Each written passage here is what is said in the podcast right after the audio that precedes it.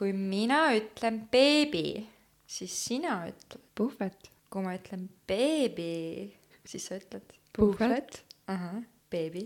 puhvet. beebi. puhvet. beebi. puhvet. beebi. puhvet. beebi puhvet. beebi.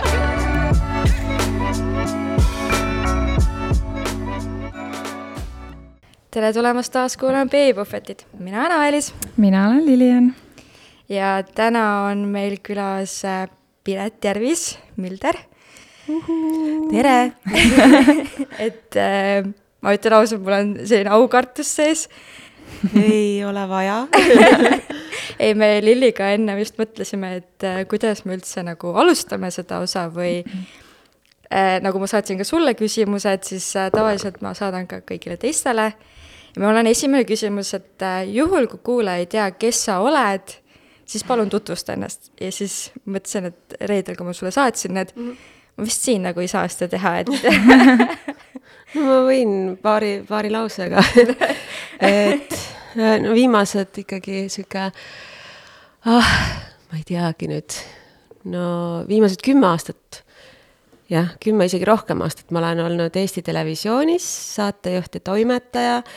Ja nüüd praegu ka, ehkki ma tulin suhteliselt hiljuti emapuhkuselt äh, tagasi, aga jah, nüüd see sügis ma olen jälle siis töölainel olnud, et ähm, sügisel oligi eetris minu pere reisisaade Pea ees vett Tai kuningriigis ja siis nüüd, mille võtted just lõppesid, aga eetrisse jõuab saade alles märtsis, on üks teadussari teadusest, nii et mm -hmm.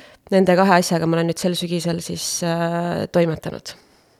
väga mm -hmm. meeldiv.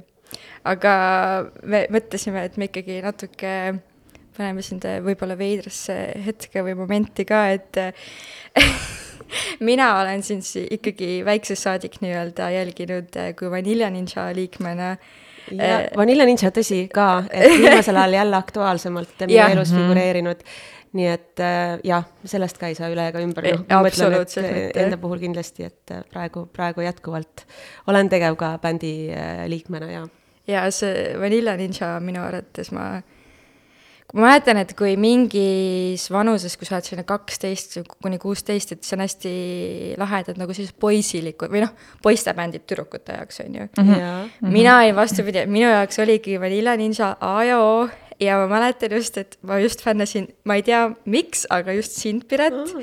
et äh, ma mäletan, et äh, see laul, Liar vist või, seal sa vist yeah. laulad rohkem natukene, on ju. ja siis ma just kuulasingi seda laulu, sest et minu jaoks oli nagu Piret Järvis on nii lahe, ma tahaks tema olla noorenda et see on, äh, sina ka, Lilli, rääkisid, et nendest mm -hmm. juustest.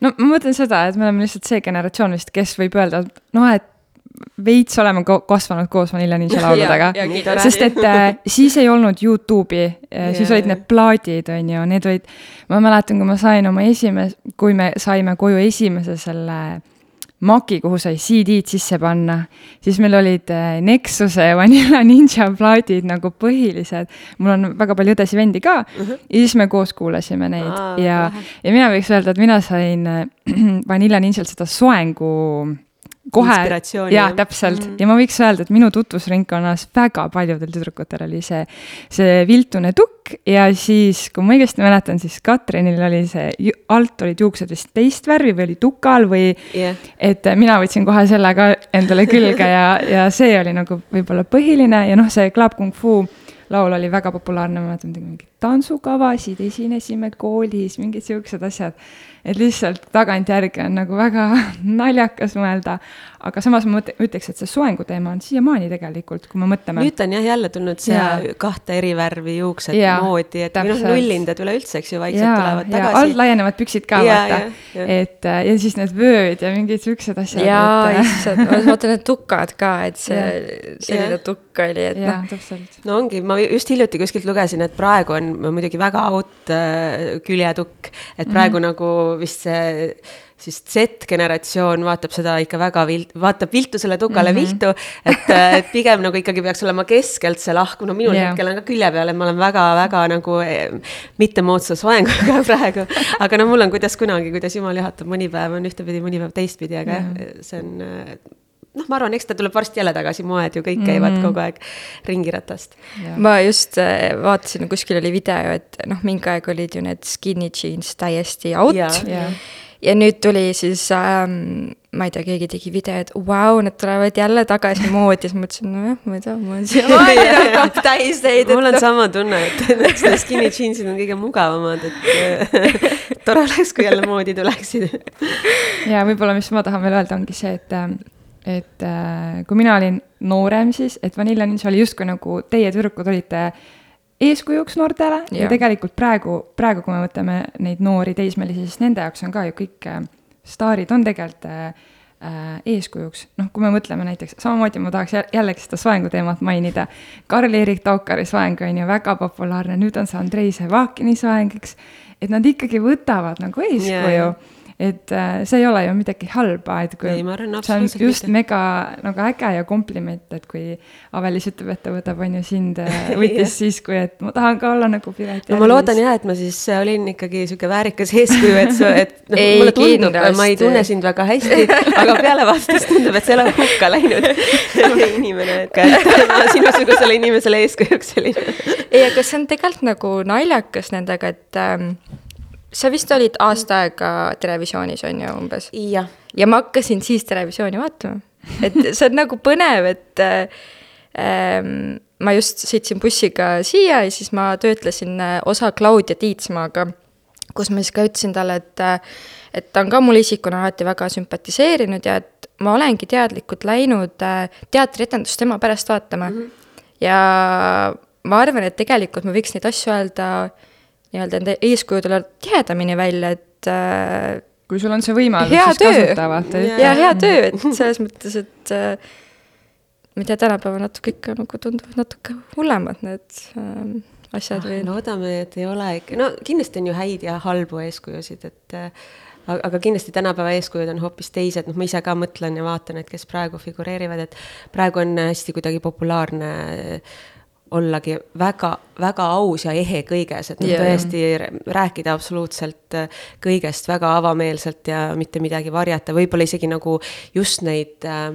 selliseid mm, ka oma iseloomu kitsaskohti just rõhutada ja nii edasi mm, -hmm. et, et noh, seda ongi palju lihtsam teha tänu sotsiaalmeediale, mida mm -hmm. vanasti ei olnud ehm, tegelikult on palju nagu positiivseid trende ka, mulle tundub. ja, ja kindlasti. minule näiteks, noh, kuna ma olen ise väga selline, kellele meeldib alati rääkida mm, -hmm. kui mul on kodus mingi mure, ma räägin, on ju mm. -hmm noh, alati rääkimine ja mulle tundub, et praegu on võimalusi palju rohkem ja. rääkida mm -hmm. ja väljendada ennast. et inimesed võib-olla oskavad sind paremini lugeda ja sinust paremini ka aru saada, on ju, et kui, kui sa räägid oma nõrkustest kogu aeg, siis inimesed teavad, vaata juba mm, -hmm. et tema nõrkus on see ja et umbes noh, võib-olla ei push'i seda teemat või noh yeah.. et mm -hmm. iga asi on ikkagi millegi jaoks hea. ja, ja ma arvan sama, et, et ma arvan, et ei ole ikka hukka läinud. Äh, ei, ma ei mõelnud ja... kindlasti ja. seda, aga, aga,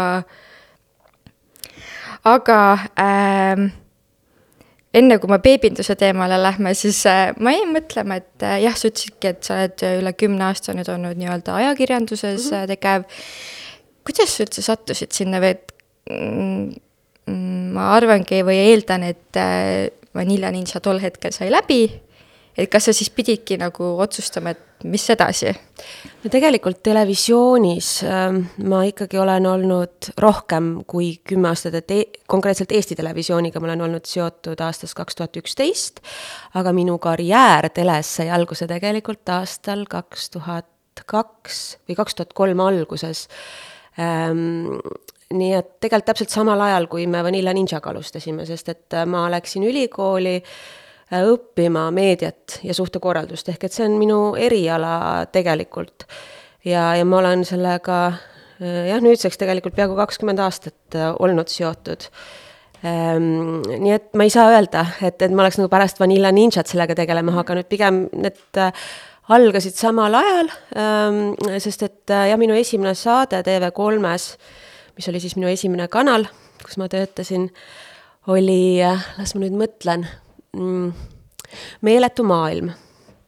See oli selline nagu infotainment äh, nagu telemagasin, võib-olla on õige väljend selle kohta, et äh, mis siis sisaldaski selliseid kurioosseid, aga ka lihtsalt põnevaid äh, lugusid Eestist ja laiast maailmast ja mina nagu juhatasin neid lugusid sisse stuudios ja noh, tegin mingisuguseid lugusid siit ise ka, nii et äh, jah, et, et minu see tee ajakirjanduses on, on olnud kulgenud äh, tegelikult alates sellest, kui ma keskkooli lõpetasin ma vist isegi nüüd mäletan. nagu nüüd tuleb mul midagi, tuleb meelde. jah, et TV3-ga ma olin päris pikalt või päris mitu aastat seotud, et veel äh, päris mitut saadet tegin kas seal. kas sa tegid äkki, juhatasid sisse seal, mis see saade oli, need no kus need inimesed pidid mingeid megarõvedaid jälkuseid tegema või ei olnud siin minul sellist ei olnud, aga üks tõsielusaade mul oli küll juhtida, oli äh,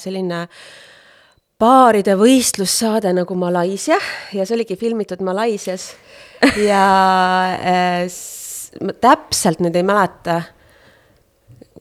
mis see point seal oli, aga igal juhul seal olid vastakuti umbes viis paari äkki, kes siis jah, võistlesid jah, erinevates väljakutsetes omavahel ja mina olin selle saatejuht näiteks ka.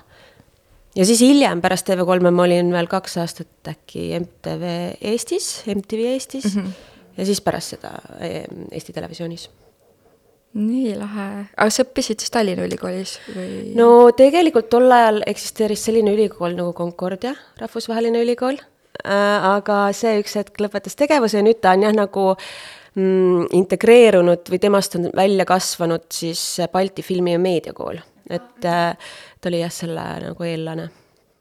väga põnev. ma, ma ei, ma ei teadnud, et sa nagu oled lausa õppinud seda, ma arvasin, et see on nii-öelda sinu isiksuse omadus või selline, et noh, kuna sa oled kogu aeg olnud nagu meedia tähelepanu all, et siis tundus võib-olla nagu äh, loogiline samm olevat äh, minna sinnapoole, aga jaa, ei, mul on see huvi olnud jah, ütleme siis äh, ammusest ajast. ja pigem see ongi nagu see valdkond, milles jah, nagu mida ma olen õppinud ja mida ma pigem siis, või kus ma tunnen ennast võib-olla kõige mugavamalt seetõttu ka. Mhm, mhm, mhm. nii lahe seda Malaisia saadet ma mäletan, ma isegi vaatasin, aga ma ei mäleta sellest väga palju, kui sa nüüd ütlesid välja, et see, et sa ütlesid yeah., siis mul tuleb nagu meelde, aga. mulle just tuleb see meeletu maailm meelde, seal oli ah, mingi okay. veider taust vahepeal taga minu arust. seal oli jah, selline, oli maakera. jah, on ju, jah. jah, maakera oli seal taustal no,. värviline taust oli okay. midagi sellist. Jah, ja esimene hooaeg ma tegin seda üksi ja siis järgmised, kas üks või kaks hooaega tegin koos Alari Kivisaarega seda, nii et mm -hmm. äh, jah, selline see saade oli Äh, ma püüan lihtsalt mõelda, Vanilla Ninja lõpetas äh, vist kaks tuhat kuus ära või no, igal juhul. natuke hiljem, äh, ma arvan, äkki viimane kontsert võis olla kuskil kaks tuhat üheksa või siis kaks tuhat kaheksa, aga kaks tuhat kuus ilmus meil viimane plaat. jah, jah. Mhm. aga pärast seda me ikkagi veel paar aastat tegutsesime, et meil oli käisime Iraagis, ma mäletan, bändiga mm, liitlasvägedele esinemas ja siis meil oli veel Tšiilis üks laulukonkurss, kus me osalesime ja no sellist nagu päris palju põnevaid asju veel toimus, aga jah, siis hakkas nagu vaikselt ikkagi see mm, asi nagu hoogu kaotama, nii et äh, jah et äh, ma arvan, et kaks tuhat üheksa äkki võis olla see mhm, viimane mm -hmm. kontsert, kuigi keegi meist ei mäleta, milline ja kus oli viimane. aga, aga umbes nii ta võis olla.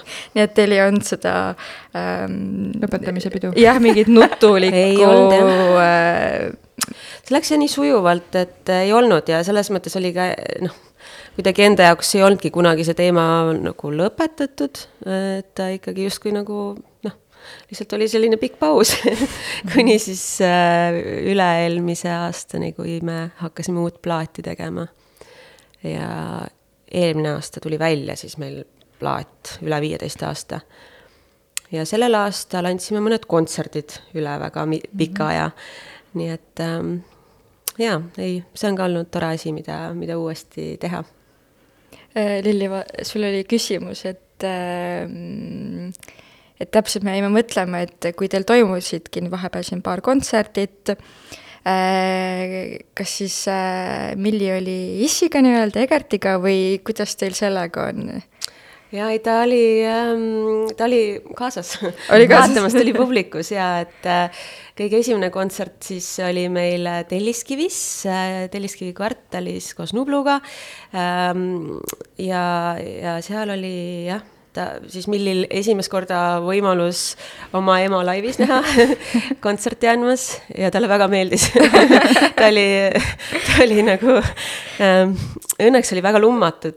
Ta oli hästi, ta oli hästi tõsise näoga, tegelikult enamus ajast oli vist šokis, et, et mi-, mida ta ema seal praegu korraldab lava peal, aga jah, talle väga meeldis, et pärast kontserti äh, siis ähm, ma ei kujuta ette, mit-, mitmeid äh, kümneid raunde neid meie videosid seal Youtube'is on tulnud talle näidata, sest et äh, ta, ta on neid nõudnud väga tungivalt.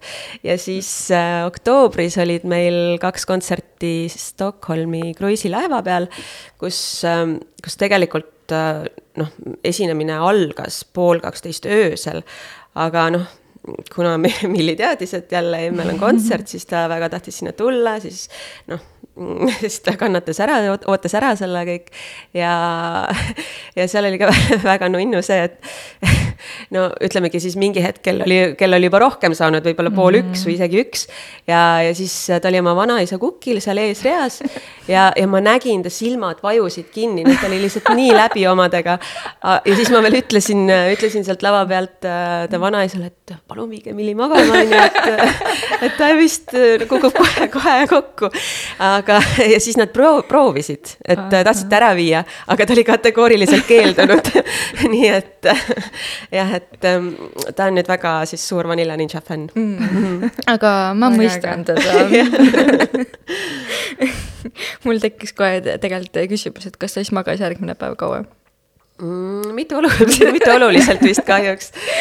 kuigi tegelikult, tegelikult ta magab üsna kaua, et näiteks ka täna hommikul ta magas kümneni, et äh, mina olin esimesena siis üleval, jõudsin seal ilusti söögid valmis teha, ennast valmis panna, et see väga hästi sobis mulle, et äh, selles mõttes tegelikult noh, ma arvan, eks ta magas seal ka võib-olla niimoodi üheksa, kümneni, et ei olnud midagi katastroofilist, et mm. -hmm jah, see, see mulle sobib ka, et, et laps ei ärka kella kuuest või, või seitsmest üles, see oleks minu jaoks keerulisem kõvasti. minul oli just vastupidi, et äh, mul käis kell kuus äratus, siis ma hiilin hästi tasakesi minema, nii okei okay,, väga hea, jäi magama veel, väga hea. ja siis äh, panin kreemi endale, ma just mõtlesin, et okei okay,, väga hea, ma nüüd tellin kohe Bolti ära endale, siis ma lähen bussi, lähen mhm. bussi jääma oi sihuke lõikav tunne, eks ju, südamest läbi.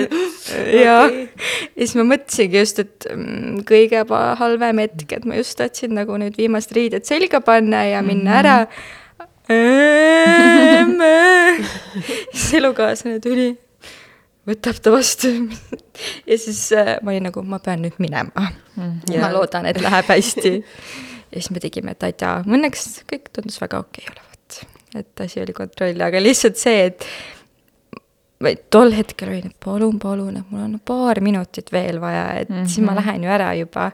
ja siis nad saavad rahulikult koos ise ärgata kõik ja see kipub mõnikord tõesti nendel kiiretel hetkedel juhtuma. aga mm, ma siis vaikselt lähen sinna beebinduse osapoole aga enne beebindust äh, tavaliselt eelneb äh, meil paarisuhe. Üldiselt, üldiselt, kuigi tänapäeval on väga popp ka see mm, naised üksi nii-öelda siis tegutsevad, ma olen aru saanud okay.. no, no ma mõtlen nagu sperma, spermadoonorlus ja selline ah, okay. asi uh. -huh. aga noh, üldises mõttes me ikkagi e-, eelneb paarisuhe. et äh, millal te, või noh, kust tuli see arusaam, et äh, nüüd võiks lapse saada, et mis oli teie nagu jah, ma olen varem ka küsinud, mis oli sinu elus see, et jah, nüüd ma olen valmis? Ja minul tuli see äratundmine päris hilja äh, või mitte äratundmine, vaid see soov emaks saada, ma arvan, üsna hilja. tegelikult tuligi nagu tuligi õige kaaslase leidmisega tegelikult, et äh, siis tekkis see tunne, et jah, nii, nüüd, nüüd on täpselt see hetk, et kus võiks hakata selliste asjade peale mõtlema. ma olin siis äh,, kui ma Egertiga kokku sain, ma olin kakskümmend üheksa ja tegelikult võib-olla esi, noh, ütleme kohe alguses ka, ma mäletan veel, meil oli omavahel selline nagu jutuajamine, noh, noh, hakkasimegi rääkima, et noh, et kas me näeme oma ühises tulevikus lapsi niimoodi, Egert oli kohe algusest peale, et tema on, tema on nagu maast madalast alati isa, isaks tahtnud saada, ma mäletan, ma olin natuke nagu šokeeritud, et okei okay. tavaliselt justkui tundub, et naised on rohkem see pool, kes, kes nagu kibeleb laste saamisega, aga mina veel tol hetkel väga tugevalt ei tundnud seda soovi või ma ei olnudki kunagi tundnud tegelikult päriselt, et ma tahaksin emaks saada. aga aga, aga noh, siis oligi, et ajaga kuidagi sai üha rohkem selgeks, et tõesti, Egert ongi kõige, kõige, kõige ideaalsem isa materjal ja siis, siis hakkasin mina ka tahtma, et ma arvangi, et võib-olla kolmekümnendal eluaastal siis kuskil jõudis minuni see nagu soov lõpuks ähm, ja, ja nii ta oli, siis ta vaikselt nagu küpses see mõte, et mm, -hmm. Mm -hmm. et ega me nagu kohe, kohe ei hakanud, eks ju, proovima, et läks veel aega, aga, aga jah, nii ta oli, et äh, õige inimese leidmisega tuli, tuli see soov ja tahe ka. ma olen kuulanud äh, Blondcasti ja siis tema ka ütleb seal, et äh, kõige olulisem otsus, mis sa oma elus teed, on see, et sa valid selle ühe inimesega, kellega sa saad lapse mm. -hmm. sest et abielluda, sa ju saad alati lahku ikkagi minna, saad mm -hmm. lahutada, aga kui sa saad lapse selle ühe inimesega, siis te peate ikkagi suhtlema terve oma elu edasi, üldjuhul. noh jah, teil on ju see üks punkt, kes teid kogu aeg terve elu ühendab. jah, et nagu... sa pead ikkagi ja, isegi. Mm -hmm. ja peab olema see kuidagi mingi õige kindlustunne tekkima, et sa tõesti usaldad seda inimest sada protsenti. Ja sa nagu kujutad teda ette selle perekonna ühe kooshoidjana, eks ju. jah, ma arvan, et minu jaoks oligi see usaldus nagu hästi suur usa-, usaldus tema vastu nagu, mis oli põhiline.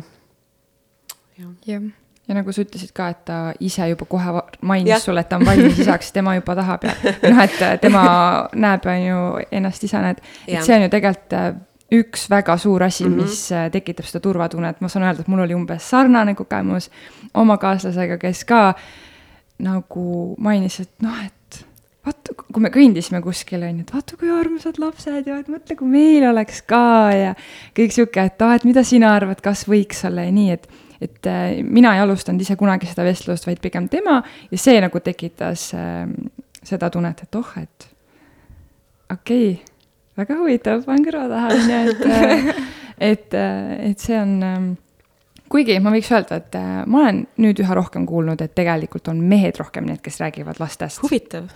mitte ja. naised. Ja... et oot, kuna me selle lapse umbes teeme. et ma olen seda üha rohkem kuulnud mulle ka tundub, et äh, tänapäeval võib-olla arusaadavalt paljud noored naised äh, mm, tahavadki iseendale just keskenduda mm. -hmm.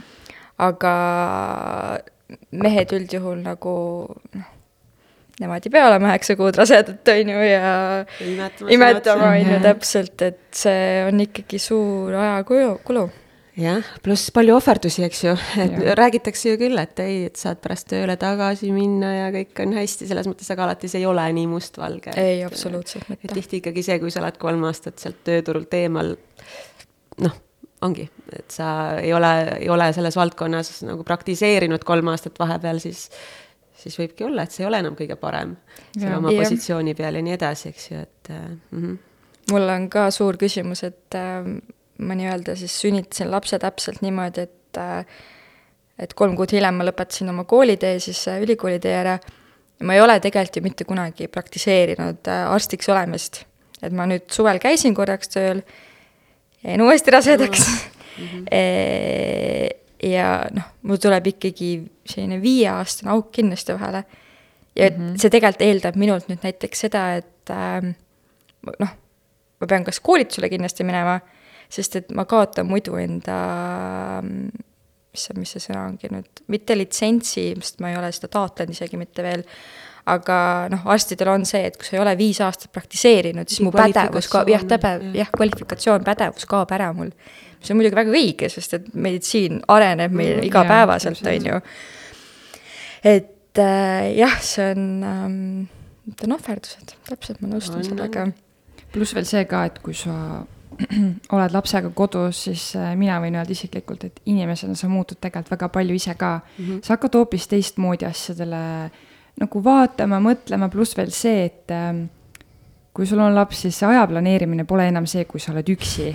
sul on alati keegi, kellega sa pead arvestama ka.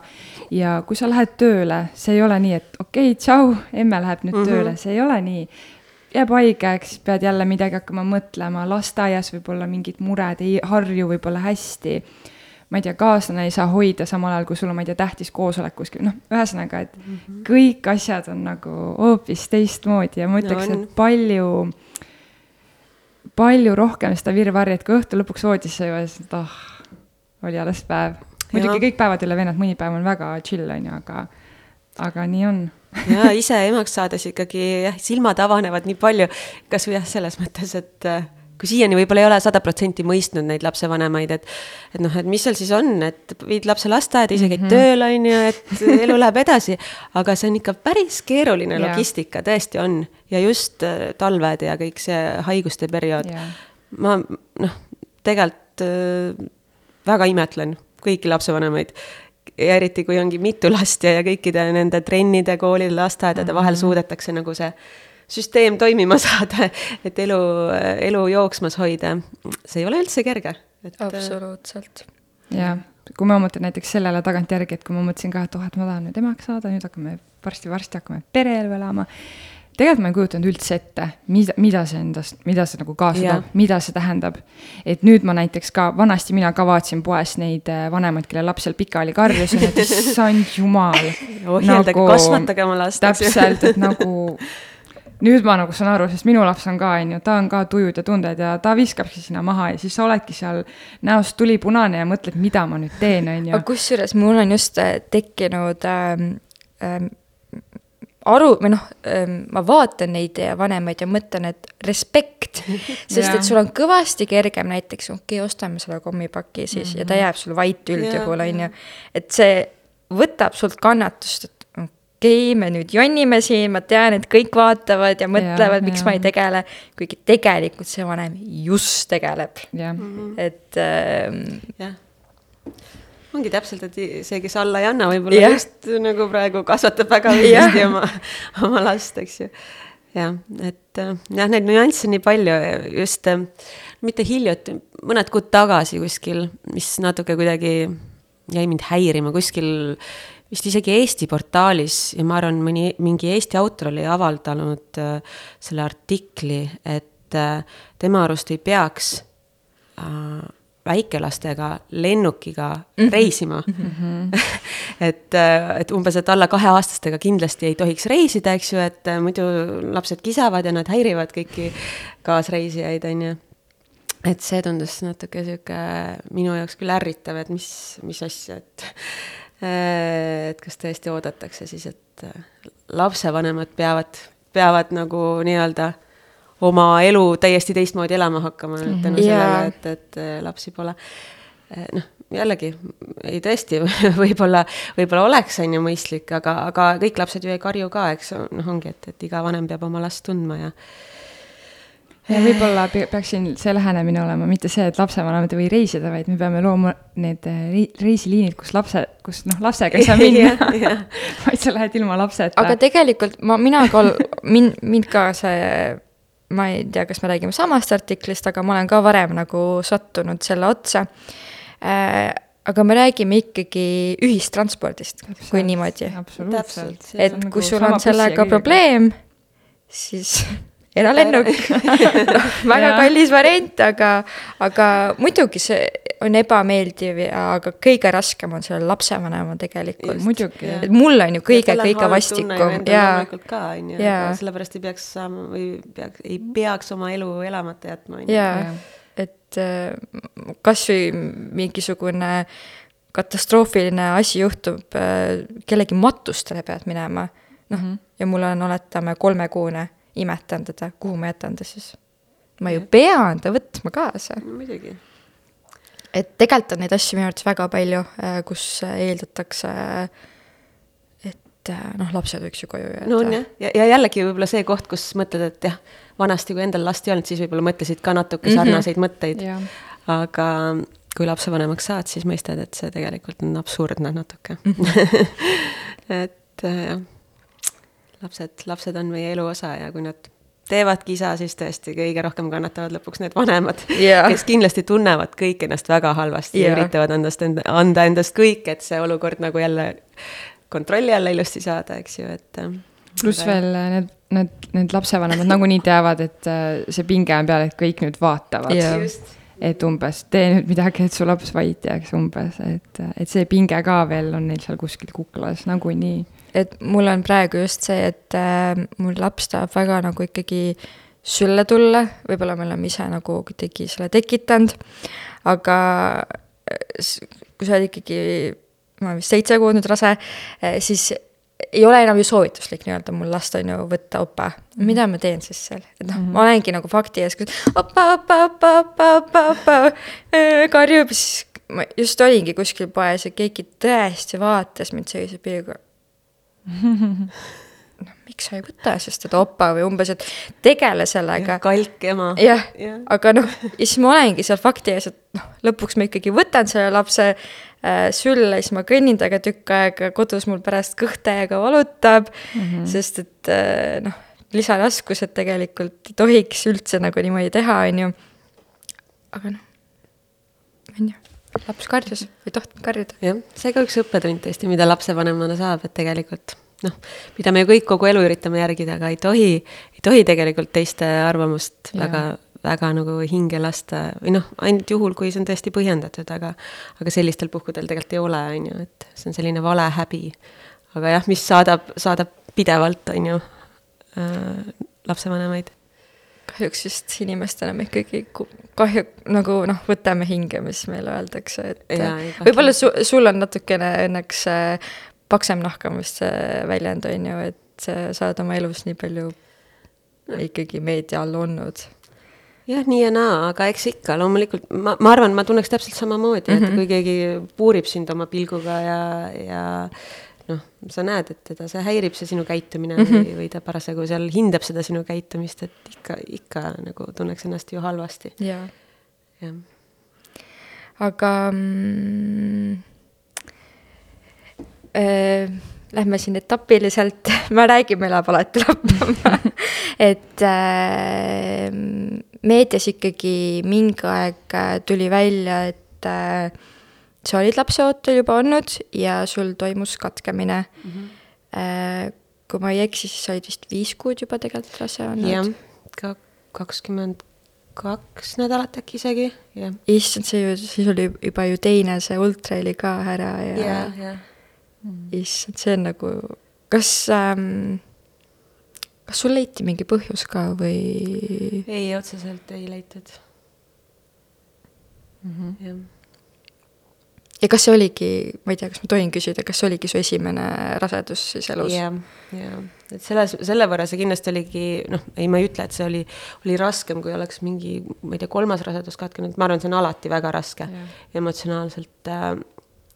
aga no ikkagi see sihuke teadmatus, et okei okay,, mida ma valesti tegin ja, ja kas ma üldse enam pärast saan lapsi, et selliseid küsimusi nagu oli palju tegelikult pärast, pärast seda nii et äh, jaa, see oli, see oli väga äh, jah, emotsionaalselt küll hästi-hästi-hästi keeruline nagu hetk.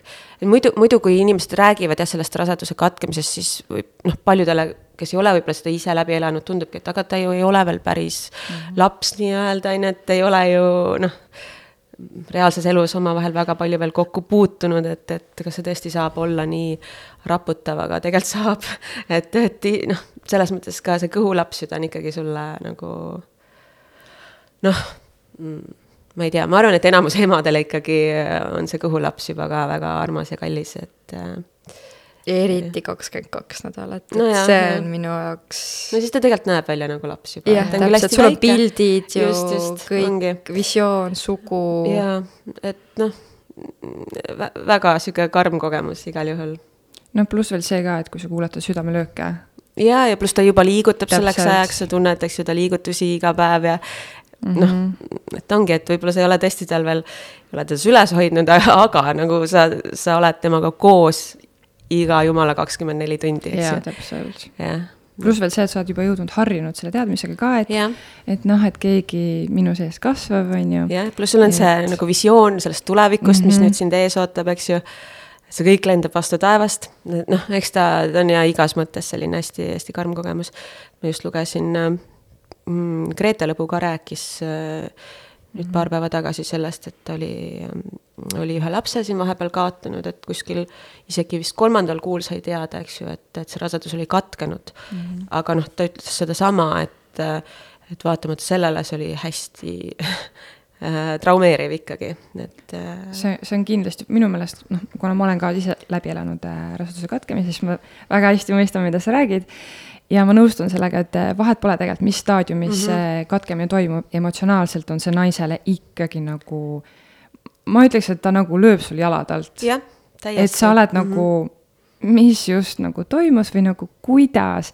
esimene asi, sa süüdistad iseennast. Sest et eh, kuigi öeldakse, et keegi ei ole umbes selles süüdi, looduslik valik, tõtt-tõtt-tõtt-tõtt mhm aga sa tahad ju teada, et mida, mida ma valesti yeah., mida ma oleks saanud teisiti teha. et, et see emotsio-, emotsionaalne pool on seal, mis nagu tegelikult see jääb nagu sulle noh, hinge, pluss veel see, et kui sa okei okay,, sa saad võib-olla, saad võib-olla sellest üle, sa suudad nagu mm. elada edasi, on ju, siis see osa, kus äh, sa mõtled, okei okay,, proovime nüüd uuesti. mis hirmud sealt edasi lähevad et ma ei tea, kuidas sinul oli, kui. absoluutselt, mul on äh... siiamaani või noh, ütleme eelmise rasedusega praegu samamoodi ma nii kardan neid mm -hmm. ultraheli läbivaatusi ja, ja üldse tegelikult noh, tegelikult on kogu aeg päris suur pinge peal yeah.. et, et kas kõik ikkagi on hästi mm noh e, vähemalt eelmise raseduse pealt ma saan öelda, mul oli see pinge kuni selle sünnihetkeni või mhm. sünnitamishetkeni peal, et okei okay, või no isegi oli nagu võib-olla raske uskuda, et okei okay,, et see läks praegu hästi kõik mm. -hmm. et ähm, see on, ma ütleks jah, et see on tõsi, et see isegi hiljem jah, see protsessimine, kõige selle ja. nagu oma peas läbimõtlemine ja tõesti uuesti rasedaks jäädes, et see kogu aeg saadab sind. ja, ja, ja. et ähm,. ma mäletan, ma ei jul-, ma ei, ma ei julgenud põhimõtteliselt mitte midagi teha, nagu Yeah. kõik, kõik väga aktiivsed tegevused olid cancel, sest et mul oli nii suur hirm et ja. äkki, ma ei tea, kui ma, ma ei tea, lähen, ma ei tea, jooksen, on ju, äkki ja. kukub ära mhm, kuskil mm -hmm., noh, sihuke, seda on nagu nii raske kirjeldada, mis su nagu sees toimub, sa võid öelda, et ei juhtu midagi, võta rahulikult, ära muretse mm. -mm ei tähenda, ütle, mida sa tahad, ikka on raske nagu. et, et ma mõtlengi ja, et, et noh, sellest räägitakse järjest rohkem mm. -hmm jumal tänatud, see on hästi oluline. Mm -hmm. sest väga paljud naised läb, elavad nagu selle läbi mm, -hmm. et, et äh, see on nii suur protsent ja see on nagu lihtsalt noh, ma ei tea, mina nagu ei saa aru, et kuidas on võimalik, et ma nagu ei saa teada, et miks. et ma nagu nii tahaks teada, on ju, et miks. et täna, noh, mul on kolmeaastane poeg, on ju, sellest on raseduse katkemisest on juba neli pool aastat möödas ja, või juba isegi varsti viis, on ju, et ja ma ikka nagu vahest, kui ma räägin, ma lihtsalt hakkan nutma, sest mul on ikkagi see hinges mm. -hmm. et noh, see on raske.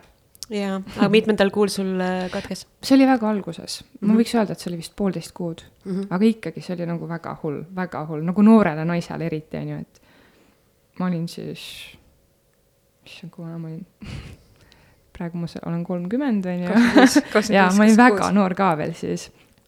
et see oli väga-väga õudne. no see ehmatab ära kindlasti ja, et äh, mm, selles mõttes küll, et tegelikult on äh, noh, ma arvan, et mida rohkem inimesed seda jagavad, neid oma kogemusi, jah, seda, seda nagu kergem loodetavasti on tulevastel emadel, kes peavad midagi sellist läbi äh, elama. sest et minu jaoks oli ka kuidagi sellel hetkel kõige olulisem või, või kõige võib-olla isegi suurem abi oli minu jaoks nendest kogemuslugudest, ehm, kus ma jah, guugeldasin, eks ju mm, -hmm. ma ei tea, pool päeva kogu aeg seda, et, et noh, et, et kas ku,, kuidas on inimestel keda, kes on midagi sellist läbi, läbi elanud, kuidas neil on läinud hiljem, et mm, -hmm. et leida seda lootuskiirt enda jaoks, et ei, et ikka võib veel kunagi kõik hästi minna. jaa, täpselt. et ähm,. ja eks, eks no räägi, et see on jah nii huvitav, et see on tegelikult nii levinud asi, aga väga ja. vähe räägitud asi. täpselt mm, -hmm. sest et tollel hetkel noh, võib-olla kuna ma elasin selle kogemuse läbi, siis tänu sellele või noh, mitte tänu, vaid selle tõttu ma märkasin rohkem ja kuulsin rohkem ja oskasin nagu kuidagi leida seda, et umbes aa, jälle on ju tol ajal või sel ajal või mida iganes, on ju. mina näiteks mõtlesin seda, et kuna minu emal oli ka see kogemus, täpselt samamoodi, et es-, esimene katkes ja siis tuli teine, siis ma mõtlesin, ah, kõik täpselt samamoodi nagu mu ema, mingi noh, otsisin ise mingeid totakaid põhjendusi, come on, see ei ole põhjendus, et kellelgi noh, et su emal on ja sul ka kindlasti on, on ju. et, ähm, et võib-olla mida mina ise tahaks nagu öelda, võib-olla teistel naistel on see, et kui see juhtub, siis sa pead nagu tegelema endaga ja, ja noh, ma tean, et seda on väga raske teha, aga proovi mitte nagu karta ja sellele võib-olla nagu mitte täiesti nagu keskenduda, sa pead leidma nagu mingi et kui sa hakkad sellele mõtlema, hakka midagi muud tegema, et ära nagu, sest rasedale naisele stress ei ole ka hea, on ju, ja see pinge, et et äh, ühelt poolt ma väga mõistan seda ja teiselt poolt ma nagu tahaks väga kuidagi nagu noh, proovi nagu leida mingi muu väljund, et sa ei mõtle sellele ja et see hirm kindlasti on, aga ma ei tea, mine kaaslasega jaluta ja rääkige millestki muust ja tehke midagi, vaata, et. jah, mul oli ka kõige suurem soov võib-olla isegi noh, ütleme, ma tahtsin kohe tööd hakata tegema mm, -hmm. et mõtteid äh, mujale saada. ja, ja ma tegelikult panin enda jaoks kirja ka sellised kuidagi mingid pidepunktid, et äh, millest mõned nõuanded tõesti klapivadki sellega, et et mõtle teistele asjadele, on ju, noh, mhm. see töö tegemine oligi ka üks meetod mm, -hmm. eks ju, et kuidas need mõtted saada mujale, aga jah, ma enda jaoks ka nagu kuidagi panin veel ka selle kirja, et et keskendu sellele, mis sul on, et ära keskendu sellele, mida sul enam nüüd ei ja. ole, vaid et keskendu nendele asjadele, mis sul on ja sul on tegelikult päris palju asju, mille üle nagu tänulik olla mm. -hmm. aga raske aeg küll, aga noh, jumal tänatud, et et, et on nagu läbi tuldud, aga noh, seda mhm. saab lohutuseks öelda küll, et, et noh, aeg ikkagi õnneks parandab neid haavu, et need ja. haavad nagu jäävad, aga, aga kindlasti need ei valuta enam nii palju mm., eks ju, et selles mõttes ehm, jah nii, nii on. sul väike laps kodus, keda sa saad veel kõvemini kallistada, on ju. Mhm. et ma alati mõtlen sellele, et äh, kui ma vaatan oma last, et ah, et kas sa oled ikka nunnu ja siis kallistad ja nunnutad nagu veel rohkem ja hoiatad nagu yeah.. et oled nagu nii tänulik, et nagu oh, tema on mul olemas täpselt, jaa, on küll. ma jäin ka mõtlema selle peale, et, äh, et äh, meil on nii mitmeid lindistamisi olnud ja siis keegi ütlebki, et jah, et mul on ka tegelikult äh, katkemine toimunud ja äh, ma ei, ma ei, ma ei saa öelda, et see tuleb üllatusena, aga ikkagi on nagu, et mul on nii kahju, et sest et äh, tui-tui-tui, on ju, aga mina ise teadlikult ei tea, et mul oleks kunagi raseduse katkemist olnud mm,. aga ma mäletan nagu just esimesega, no nagu noh, sul on need äpid, on ju, ma kogu aeg vahtisin neid äppe, et noh, kaugel ma nüüd olen, on ju, et millal see, sest et kaksteist nädalat üldjuhul on tegelikult see nüüd võib natuke kergendusega hingata, on ju, et äh, Lilli, sa kindlasti ise ju ka tead, on ju, et noh, et suure tõenäosusega võib-olla oli mingi kromosoomiline mingi viga no. või noh, noh, aga see ei lohuta, on ju. mina näiteks mõtlen, kuidas mina võib-olla seda ka nagu läbi elasin, oli see, et ma mõtlesin sellele, et et noh, ma tahtsin väga teada, mis see põhjus oli, aga ma mõtlesin, et ju oli sellel mingi selline põhjus, et, et noh, lihtsalt pidi nii minema mm. -hmm. ja ma nagu üritasin nagu ennast kuidagi võib-olla ise lohutada ja ma olen tagantjärgi mõelnud, et noh et äh, võib-olla oli sellel lapsel midagi nagu siis viga, on ju, et, et mille, millegi tõttu ta ei saanud edasi protsessida, et, et noh, lihtsalt nagu kuidagi leiad mingeid vabandusi, aga teisalt nagu ikka mõtled, noh, pekki küll nagu miks, on ju, et miks, miks mm, -hmm. miks.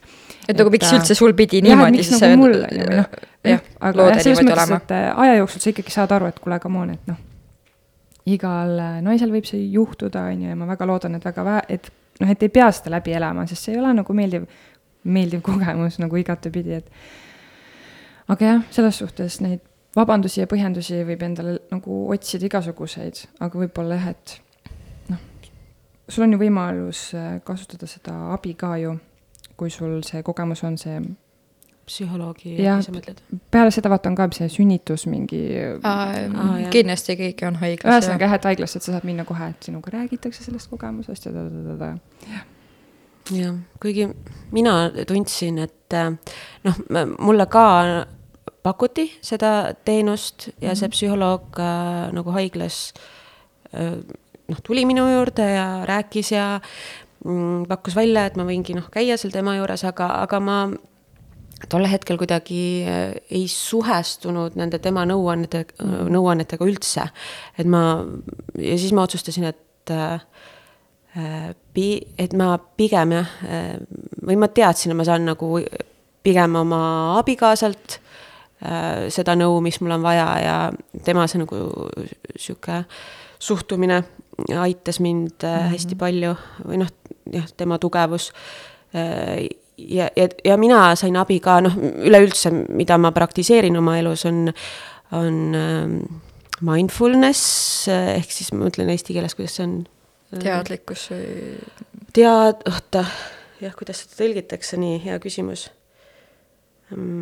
Kohalolek või? jah, teadlikkus mm -hmm. ja kohalolek, teadvustamine. jah, et, et nagu nende võtetega mina noh, suudan noh, mitte alati, aga, aga see aitab mind päris paljudes olukordades, kus on vaja nagu selliste keeruliste emotsioonidega hakkama saada ja, ja jah, et, et selline selline suund nagu toimis minu jaoks, aga noh, ongi igalühel omad, omad eelistused siinkohal, et ma usun, et see selline klassikaline psühholoog kindlasti suudab ka väga paljudel juhtudel mm -hmm. abiks olla. aga jah, peab tunnetama, et mis, mis kellele nagu sobib. mis need soovitused olid tema poolt siis äh...? ma ei, ma ei mäleta, aga ma tegelikult jah, niimoodi spetsiifiliselt kindlasti ei mäleta, mis see oli, aga, aga lihtsalt tol hetkel temaga rääkides ma tundsin jah, et ma nagu ei ole temaga päris samal lainel ja, ja siis, siis ma ka kohe otsustasin jah, et ma ilmselt sellist nagu klassikalist abi ei, ei hakka otsima mm. -hmm. ma nagu tegelesin ise ähm, ja läbi selle mindfulness'i rohkem nagu oma nende um,, oma nende emotsioonidega um,. jah, ja abikaasa tõesti oli ka hästi-hästi nagu suureks äh, toeks sellel hetkel. et tema nagu suhtumine või, või see, ah, ma hakkan ka nutma vaikselt sihuke optimism. jah, et te, tema nagu ei kaotanud seda optimismi kordagi. no vaata, see on jällegi väga hea nagu sihuke suhte, suhte no ma ei taha öelda proovile paneks, sest nagu come on, sellist proovile panekut pole mm. kellelegi vaja, aga ta on nagu, ta ühendab sind kaaslasega veel rohkem, ma võiks öelda.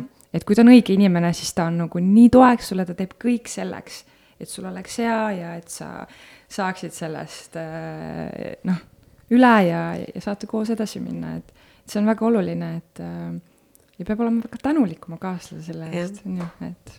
pluss ma arvan, et tegelikult see on selline proovikivi suhtes, et noh, ongi, kas ta teeb teie suhte tugevamaks ja. või ajab teid laiali mm. -hmm. et see võib väga lihtsalt tegelikult ja. ka nagu täiesti nagu lahku ajada paari mm. -hmm. see on ikkagi väga ränk ränk katsumus äh,, aga ma usun, et nii, nii täpselt ongi, et kui te tulete sellest läbi koos, siis te oletegi tugevamad. jah, täpselt. et see suhe on kordades nagu tugevam, sest te olete mingid, mingid väga olulised etapid koos üle elanud ja, ja. üle saanud.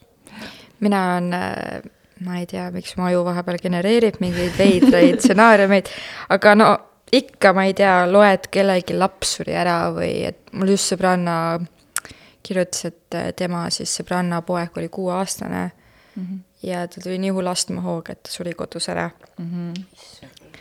ja siis nagu sa mõtledki, et okei okay,, et noh, äh, ma hakkan ka ulguma, sest no minu jaoks on laste surmad nii õudsed või noh, just e eile lugesin äh, oli üleskutse ühele poisile lastefondi mhm. kaudu oh,. ma just annetasin. mina ka annetasin et. ma jagasin seda igal pool et noh, su elu sõltub ühest äh, ravivist, mis maksab mhm. kolmsada tuhat eurot, noh, miks vaata nagu see ei ole aus või et mis see väike pisike on oma elus teinud, et ta on ju täiesti süütu ja siis ma olen ka mõelnud, et aga kui meil juhtuks midagi sellist, et noh, mu lapsega juhtuks midagi ma ei suudaks elada edasigi või nagu ma, ma ei tea, kuidas sa üldse paari suhtes suudad edasi minna, et see kõik ju meenutab seda last, on ju.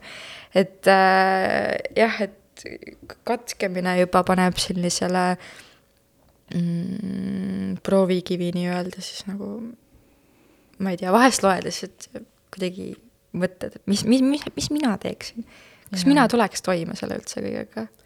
soovitus sulle ära mõtle üldse selliseid asju reaalselt see on nagu jah, võib-olla hetkes elamine pigem, et um.... ei, kindlasti, kindlasti, aga. aga jaa, sellised äh, sellised asjad kahjuks ja nagu lähevad väga hinge ja mina ka alati, kõik, mis puudutab lapsi, ma lihtsalt nagu äh, kohe, ma, ma teeks nagu kõike endast olenevat yeah., ma saaks olla nagu abiks, et äh, noh, never know, kuna endal on abi vaja, on ju.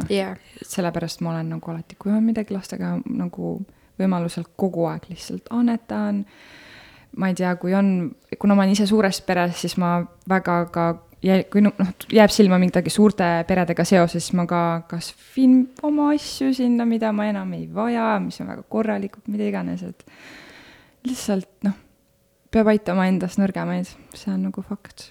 Ja, ja nüüd see tuleb ka nii, nii väga võimendub veel see tahe aidata jällegi, kui ise saad lapsevanemaks. jah, täpselt. jah, et siis sa nagu näed ennast nende inimeste kingades väga hästi mul oli, kui ma olin noorem, siis ma alati annetasin äh, loomade varjupaigale mm. -hmm. siis, kui ma sain lapse, siis ma sain aru, mis mu ema nagu, mu ema alati rääkis, et jälle kogutakse, mitte halvaga, mitte üldse halvaga mm, -hmm. et näe, aga jälle kogutakse siin loomadele. Et meil on ju nii palju väikseid äh, peresid, kus noh, elatakse täielikult allapoole vaesuspiiri mm -hmm. või et noh, miks siin nagu siin ei tehta üleskutset, on ju, mhm. muidugi ei, loomad vajavad ka, et abi mm, -hmm. aga ja siis, kui ma sain ise ka lapse, siis ma hakkasin rohkem kohe jälgima neid mm -hmm. lastetoetusfonde igasuguseid erinevaid. see, see perspektiiv täielikult muutub mm. -hmm. Aga okei okay,, tuleme siit masendavast äh, välja ähm,. aga need olid ka väga olulised ja, teemad. absoluutselt, jah. aga Milliga rasedus ikkagi, ma eeldan, et läks hästi. jah. Äh, kuidas olid üldse sinu raseduskogemus, et ähm, kas sa oksendasid ei, ma ei oksendanud. mis asja mul vist on vedanud ja, et äh, kõikide rasedustega on nagu see, et, et on iiveldanud, aga päris oksendanud ma ei ole mm.. et äh, ja Milliga rasedus oli selles mõttes huvitav, et äh, mm, see sattus koroona ajale, eks ju, või noh, ütleme Mm, mingi osa sellest mm -hmm. ja, ja tegelikult tänu sellele, noh, nüüd ma, eks ju, ootan järgmist last, et, et siis tuligi lockdown peale mingi aeg poole raseduse pealt. Äh, ma olin lihtsalt kodus kogu aeg, eks ju, dressides, mingites suvalistes riietes et äh, nüüd, olles uuesti rase, mul ei ole ühte, nüüd ma panen tähele, et mul ei ole, ei ole ühtegi sellist nagu konkreetselt rasedale mõeldud äh, praktilist riideeset näiteks, ma olen pidanud nüüd ostma. sest ongi sihuke tunne, nagu ma poleks, poleks rase olnud äkki, sest et äh, jah, see kar-, jah, nii-öelda siis karantiiniaegne või mitte karantiin, vaid, vaid jah, see siis, kui no,. kodukontorite. jah, et, et see aeg nagu oli selles mõttes väga huvitav aeg jah, et ja mis on ka nüüd teisiti, et mm, selle rasedusega praegu, et äh, nüüd ma olen kuu aega haige olnud, jällegi Milliga, noh, kui sa ühegi inimesega kokku ei puutu, eks ju, istud kodus, siis ma ei olnud kordagi haige ja selles mõttes läks rasedus kuidagi ikkagi väga kergelt et praegu, praegu ma tunnen, et noh, ma olengi kuu aega haige olnud ja, ja mul, ma pole elu sees nii kaua haige olnud mm. -hmm. ja see ilmselt ongi noh, sellest, et oled rase, eks ju, ravimeid tegelikult ei tohi võtta mm. -hmm. ja see on kuidagi nii kannatusterohke, et mm, -hmm. et lihtsalt ongi kurguvalu on juba, ma ei tea, kolm nädalat kestnud, nohu, nina kinni, kuu aega või isegi rohkem. et, et seda, seda kõike nagu milliga, millitoodetes ei olnud. et jah, et praegu võrdlusmomendina ma saan öelda, et, et see esimene rasedus läks tõesti nagu võrdlemisi kergelt ja, ja, ja see jah, et sai kodus olla Äh, ja teist last veel ju ka ei olnud. jaa, vot see on minu arvates nii oluline. suur muutus. jah, et sa saad, saad väga nagu nautida seda lapseootust.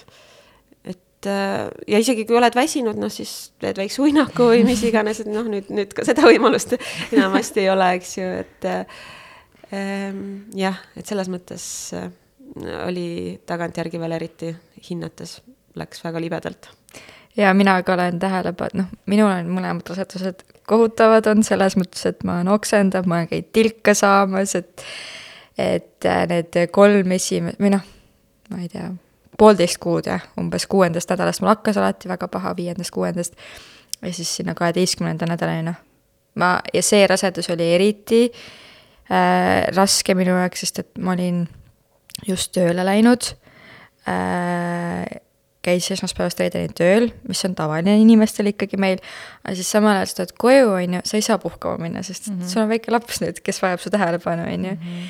ja, ja ma ei suutnud mitte midagi süüa, samas mu kõht nii tühi ja see ongi minu jaoks nii suur erinevus, et kui muidu oli esimesega see, et oh, ma olen väsinud, ma nagu nüüd lähen siis nagu lõõgastan ja keegi kutsus, siis mul oli kogu aeg vabandus, sorry, tead, ma olen tõesti väga väsinud, et ma ei jaksa, on ju. siis nüüd ei, sa pead kogu aeg ikkagi olema täiesti mm, tööjõus, jah, täpselt. Peaksid olema vormis, kuigi ei ole. Et jah, see on, on keeruline. ja ma olen, ma just vaatasin, et kuna mul laps sünnib täpselt kaheaastase vahega nüüd äh,, ma sain ju täpselt võrrelda neid kuid nagu. Äh,, mul on see nii-öelda äh, ma mõtlen see beebiraamat või noh mm -hmm., mitte beebiraamat, vaid äh, sünnitud. kliinikus sa saad selle raam-, jah, täpselt, jah ja. mm. -hmm. ma sain ju kuus, kuuliselt vaadata, palju ma siis kaalusin ja palju ma nüüd kaalun. ja ma mäletan, tollel ajal ma käisin ikkagi jalutamas ja ma tegutsesin mm. -hmm.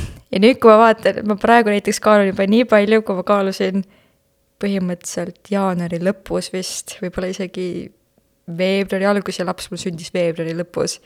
et see nagu vahe on meeletu eh, juba mhm. aktiivsuse poolest, sest et ma ei saa olla nii aktiivne, ma ei saa isegi neid rahulikke kõndi teha. jaa, sama äh,, ma ka hästi palju jalutasin esimese rasedusega, nüüd noh, jah on tõesti vähem ja mina pole julgenud ennast kaaludagi ämmaemanda juurde minnes jah, aeg-ajalt nagu peab, aga minu arust viimane kord ma isegi millegipärast ei, vist, ei ikka kaalusin. ei, nad minu arvates esimese asjana küsivad, kaalul käisid? palju sul oli? ja siis panevad kirja. ma olen vist ära tahtnud unustada selle numbri, nii et, aga mul on no, täpselt, ma arvan, sama stsenaarium nagu sul et see on nagu masendav tegelikult, siis ma kogu aeg kardan, et mm,. okei okay,, nüüd ta kindlasti kommenteerib, et oi-oi, see on natuke liiga palju. aga ei ole veel seekord tulnud seda. jumal tänatud aga lihtsalt seal beebigruppides ma ikka loen, et oh, sain täiega pahandada ja siis loed, et ma võtsin ainult ju kaks kilo juurde, siis mõtlen, issand jumal, et ma võtsin ju rohkem, et see tähendab, et ma saan täiega pahandada nüüd. aga ei ole, nii et ähm, kõik on nagu selles mõttes hästi läinud mm,. okei okay,, nii et sinu raseduse kogemus oli ikkagi siis meeldiv, saab öelda? jaa. kas on, oled eh, nautleja nagu mm,, meeldib sulle rase olla mm,? see on ka nagu nüüd äh, ongi kahe raseduse puhul hästi erinev, et äh, ma ütleks, et Milliga noh ma ei saa ka öelda, ma sada protsenti nautisin, sest et eh, noh, tulenevalt sellest eh, eelnevast lapsekaotusest ikkagi noh, nagu ma ütlesingi, mingisugused hirmud on kogu aeg sinuga, eks ju, seonduvalt selle halva kogemusega. et eh, jah, et tegelikult kogu aeg on mingisugune ärevus, et okei okay,, kas kõik on ikka hästi mm. -hmm. et, et see ei luba võib-olla sada protsenti nautida seda protsessi.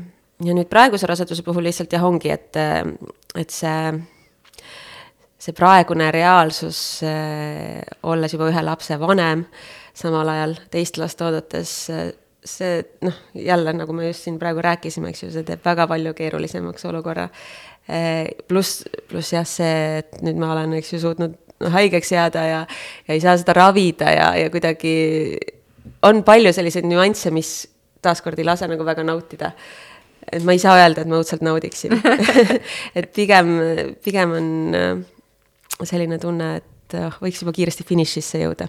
ja mul on sama tunne, aga siis ma jällegi mõtlen, et ma ei kujuta ette nagu kahega seal toimetamist et, et ähm, meil on, meil on peres selline, et me ikkagi oleme sellised kallistajad ja musitajad mm -hmm, ja äh, mina olen see ema, kes, kui laps nutab, siis ma võtangi ta sulle ja küsin, et mis on, on ju, et äh, mitte, et laps peab nutma ennast välja, mina ei nõustu sellega.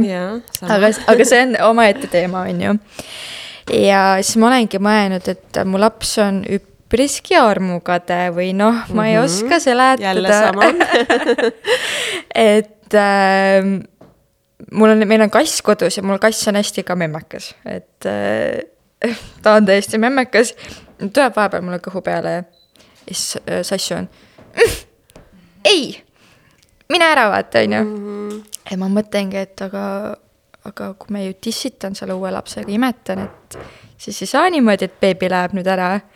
et mis see olukord või noh, mis me edasi nüüd teeme siin? tead, minul on täpselt seesama hirm nagu kõige suurem isegi, et äh, kuidas olemasolev laps uue tulekuga harjub, sest ikkagi nii palju on seda kuulda, et see on nii raske nende jaoks. Et äh, väga kardan seda. ja, ja minu laps samamoodi, ta on väga memmekas ja armukade ja just eile meil käisid sõbrad külas oma väikeste lastega või noh, sama vanade lastega kui Milli ja ja juba ainuüksi see, kui mina või Egert tegime siis teisele lapsele kiiges hoogu issand, milline nutt selle peale lahti läks. draama. jaa, et äh, ai jumal. jaa. see on jälle sihuke uus äh, challenge nagu lapsevanematele on ju, sa pead lapsega hullult palju tööd tegema iseendaga, et teda yeah. ette valmistada, temaga rääkida, et et see on su väike õde või, või see on su väike mhm. vend. ma olen püüdnud talle rääkida, et ja. näed, siin on tita mm. -hmm. siis ta näitab enda kõhu peale, tita ma võin üritada, aga kas see nagu füüsika sinna jõuab, on nagu iseasi. ma arvan, see tõeline reaalsus jõuab siis kohal, kui väike beebi on juba kodus ja, ja. ma olen jah palju kuulnud, et siis, kui see väike beebi on kodus, siis eelmine laps on niimoodi, et las ta läheb nüüd ära. ja, ja ei, meil oligi ju, meil oli kolmas äh, liit, liit, no, liige ka nii-öelda, enam teda ei ole, aga siis äh, kui tema ootaski, tähendab, äh, kui nad tõid siis uue lapse koju, siis õhtu lõpuks ütles äh, vanem laps siis ütles, et aga viime nüüd tita enda koju ära. Et äh, oli tore aga ta võib nüüd koju minna siis seletad talle, et ei, aga see ongi tema kodu nüüd mm. -hmm. oh. aga no eks, eks me kõik oleme ja sina ütlesid, sa oled väga suurest mm -hmm. perest, eks ju, et, et kuidagi me kõik ikkagi harjume lõpuks nende okay. õde, õdede ja vendadega. samas, kui sa mõtled, on ju, kahe-kolmeaastane, ta on veel nii väike, et tema yeah. jaoks on väga paljud asjad nagu uued siin maailmas. et kui sa toodki selle väikese beebi koju, siis tema jaoks võib-olla ongi, et mingi noh, võõrkeha siin kodus, mis ta teeb siin umbes, et vajab harjumist ilmselt ja no pluss on ikkagi see, et äh, nii palju, kui ma seda lastepsühholoogiat olen lugenud, siis noh kuni kolmanda eluaastani MAS-i on number üks, et ta ei, reaalselt ei vaja mitte kedagi teist ja mm -hmm. äh, ma olen nüüd eriti pidanud süvenema seoses selle mm, lasteaiaga ja isa arusaamisele, et noh, minu laps ei ole valmis lasteaiaks ja see on tegelikult okei okay. äh,. lihtsalt ühiskonnale seletada seda on natuke kuidagi, mulle tundub raskem, et äh, me oleme kodused ja mm -hmm. me püüame hakkama saada, aitäh muretsemast. et et äh, jah, lapsed äh,, lapsed, mulle meeldib väga lause, et lapsed ei ole väiksed täiskasvanud mm. -hmm. Nad on lapsed, et aktsepteerime seda, nende äh, mis see eesti, eesti keeles ma ei tea, aga ajus frontal lobe või mis iganes see on mm,. eeskorteks on ju jah, et see ei olegi välja arenenud, et ta mm -hmm. ei mhm. oskagi üldse protsessida neid äh, asju jah, nii et paratamatult tuleb olla valmis. et tuleb mingisugune nii-öelda see tagasilöök sealt pealt. aga ma siis saan äh, mõelda, et sul on sama raske, kui mul on kodus raske jaa, sa võid mõelda, ma arvan, et äh, kindlasti on raske ähm,. nii, aga kas sa oleksid nõus enda sünnituskogemust jagama? Kas see, kas see oli imeline? ei pärast seda sünnituskogemust ma olin ka väga veendunud, et minule nüüd aitab sama, sama. et ühtegi sünnitust rohkem ei tule. Aga no see on huvitav jah, kuidas mälu pühib ikkagi need ebameeldivad asjad lihtsalt minema julmalt ebameeldivad mälestused siis, et äh, praeguseks nagu tundub, et ei või, võib, võib teha küll, on ju, korra, korra veel. aga ei, mul oli väga pikk sünnitus, et ähm, kokku ma olin seal haiglas, ma arvan, kolmkümmend tundi ja, ja. sünnituspalatis siis? jah, jah, no ma läksin muidugi, ütleme niimoodi, et mul, mu rasedus siis kestis või läks nagu üle aja, et tegelikult mul oli juba see esilekutsumise mm, aeg siis kokku lepitud. mul oli see saatekiri, et ma pidin siis kas oli jah, kolmeteistkümnenda augusti hommikul minema haiglasse, et kutsutakse siis sünnitus esile. aga mul hakkas ikkagi endal see sünnitustegevus pihta siis üks õhtu varem.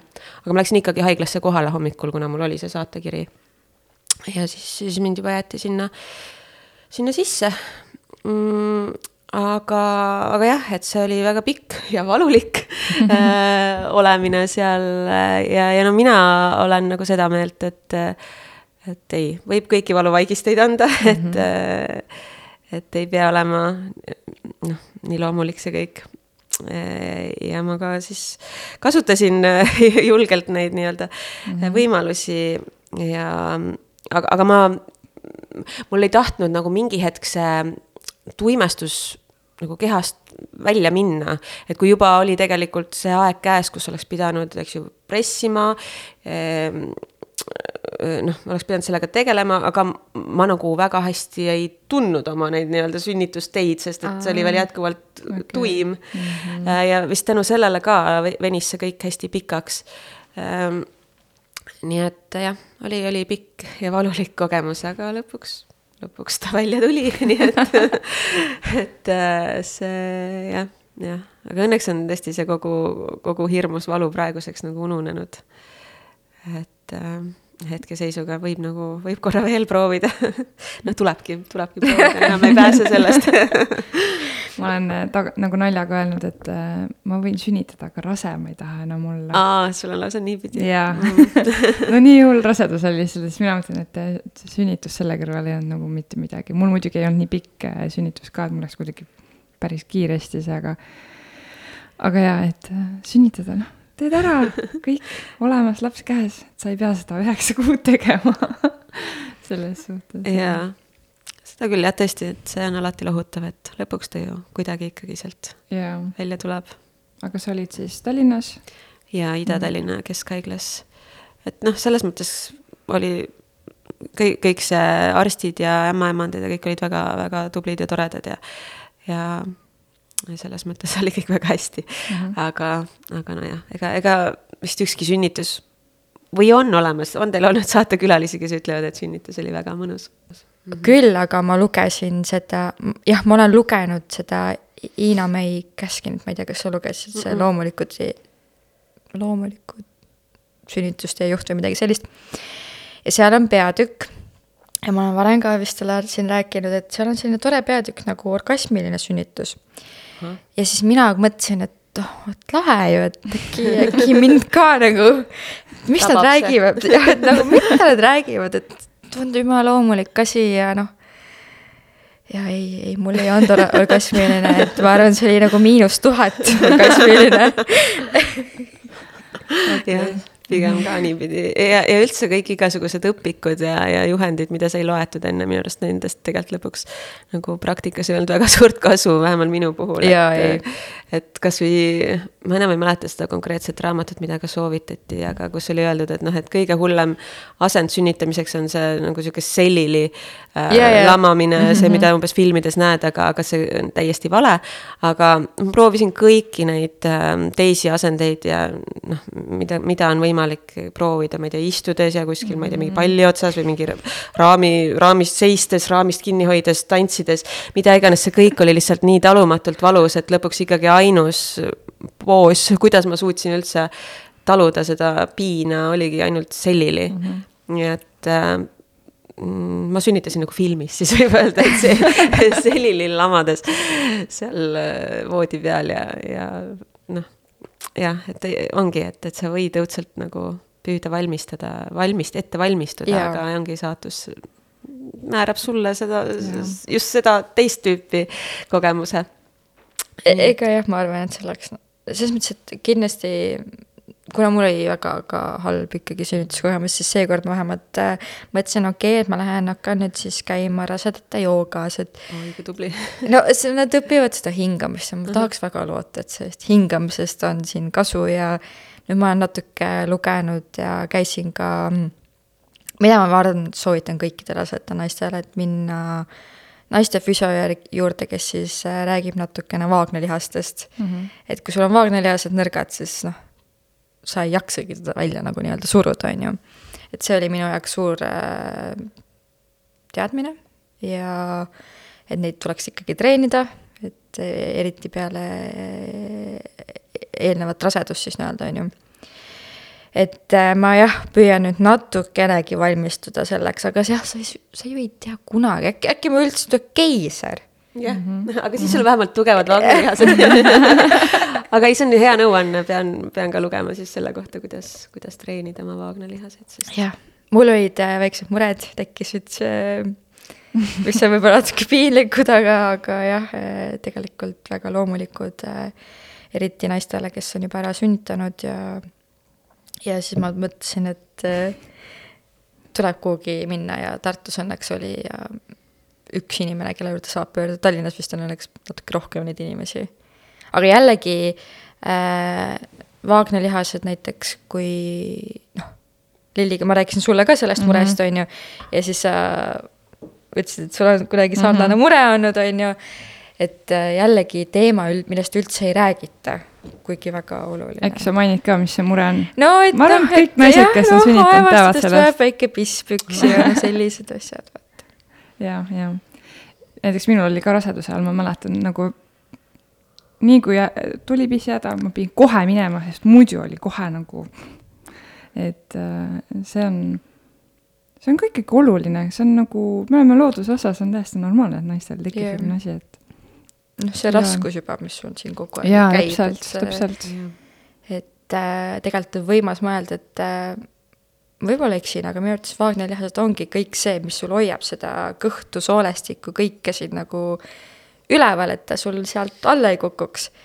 ja ma olen lugenud tegelikult väga treenitud naistel on näiteks seda prolapsi, sa tead, mis prolaps tähendab? no prolaps ongi see, kui sul sõna otseses mõttes kukubki välja, vanadel no. inimestel on okay., vaata okay.. et äh, ja ta võib olla väga treenitud inimene ja tal ikka mm -hmm. juhtub selline mure mm. -hmm. et äh, kuigi prolapsi kõvasti vähem, see ei ole nüüd nii levinud mm. -hmm. prolapsi nägin ma enda mm, suurloomapraktikumis okay. veistel, lehmadel siis aga kui rääkida veel sünnitusest, äh, siis ähm, lihtsalt kiirelt, et eh, mina näiteks ei valmistunud kuidagi selleks ette, et ma ei lugenud midagi. ma lihtsalt läksin ja ma olin nagu sellise mindset'iga, et ma lähen, ma usaldan arste, nad on professionaalid, nad peavad mind juhendama ja nii edasi. ja valmistasin oma kaaslast ka ette, ütlesin, et kes teab, milliseks ma muutun seal ja kui ma üks hetk võib-olla üldse ei taha rääkidagi, on ju, siis ma olen kõikide valuvähistitega nõus. et et siis pead minu eest nagu, ma ütlesin seda ämmaemandale ka, et te peate seda aktsepteerima, et kui mina olen ei ole, ei ole nõus teiega rääkima, siis mu kaaslane on, on minu suu et ma olen talle seda öelnud, et, et noh, selles mõttes ja mina olen väga õnnelik, et ma selliselt ka tegin. sest noh, sünnituskogemus oli väga okei okay,, kõik läks hästi arstid, idekad lihtsalt, äh, Tartu Ülikooli Kliinikumi personal, super lihtsalt noh, mega tänulik neile. et äh, noh, aga jah, see on nagu ega, iga inimene on erinev, mõni tahab väga uurida kõiki asju ja teada. ja, ja, mina võin ka öelda, et ma sünnitasin ka nagu filmis mina sünnitasin ka nagu filmis. et äh, ma isegi, mulle, ma mäletan, ämmaemand veel seal mainis, et äkki sa tahad seda või teist või mm -hmm. kolmandat mingi ei, ma olen siin voodis ja ma ei lähe siit kuhugi kui see laps on mul süles jah, see on, minu arust see on nagu ka ju üleüldse on kõige mugavam asend see, et sa oled, eks ju, mõnusalt pikali. Eh, versus see, et sa kuskil tooli peal kössitad või, või ma ei tea, et. siis tegele sellega, et hoia ennast seal kuidagi kinni, et sa püsti oleks, ma ei tea. minul oli just tegelikult mugav selle kanderaami peal mm, -hmm. aga kuna see kõik kulmineerus üpriski kiiresti ja halvasti, siis nad ei, tahtsid neid südamelööke ja selles poosis okay. nad ei saanud üldse neid kätte mm. -hmm. siis nad olid davai pikali nüüd ja siis mhm. järsku oli väga palju arste mm. -hmm. ja siis oli see lõige ja siis oli ah, vaakum ja ei, mul keisrit ei olnud, aga mul tuli vaakumiga ah, äh, tehti see epistetoomia vist jah, lahkliha lõige ühesõnaga mm. -hmm.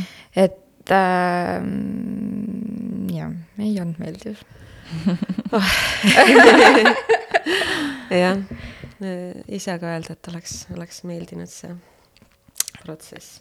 minu, minus ei tulnud ürgnaist välja ma ka ei, ei saa öelda seda, aga, aga ma ütleks jah, nagu ma enne ka mainisin, siis äh, ma võin sünnitada, aga rase ma ei tahaks olla mina ei teeks kumbagi.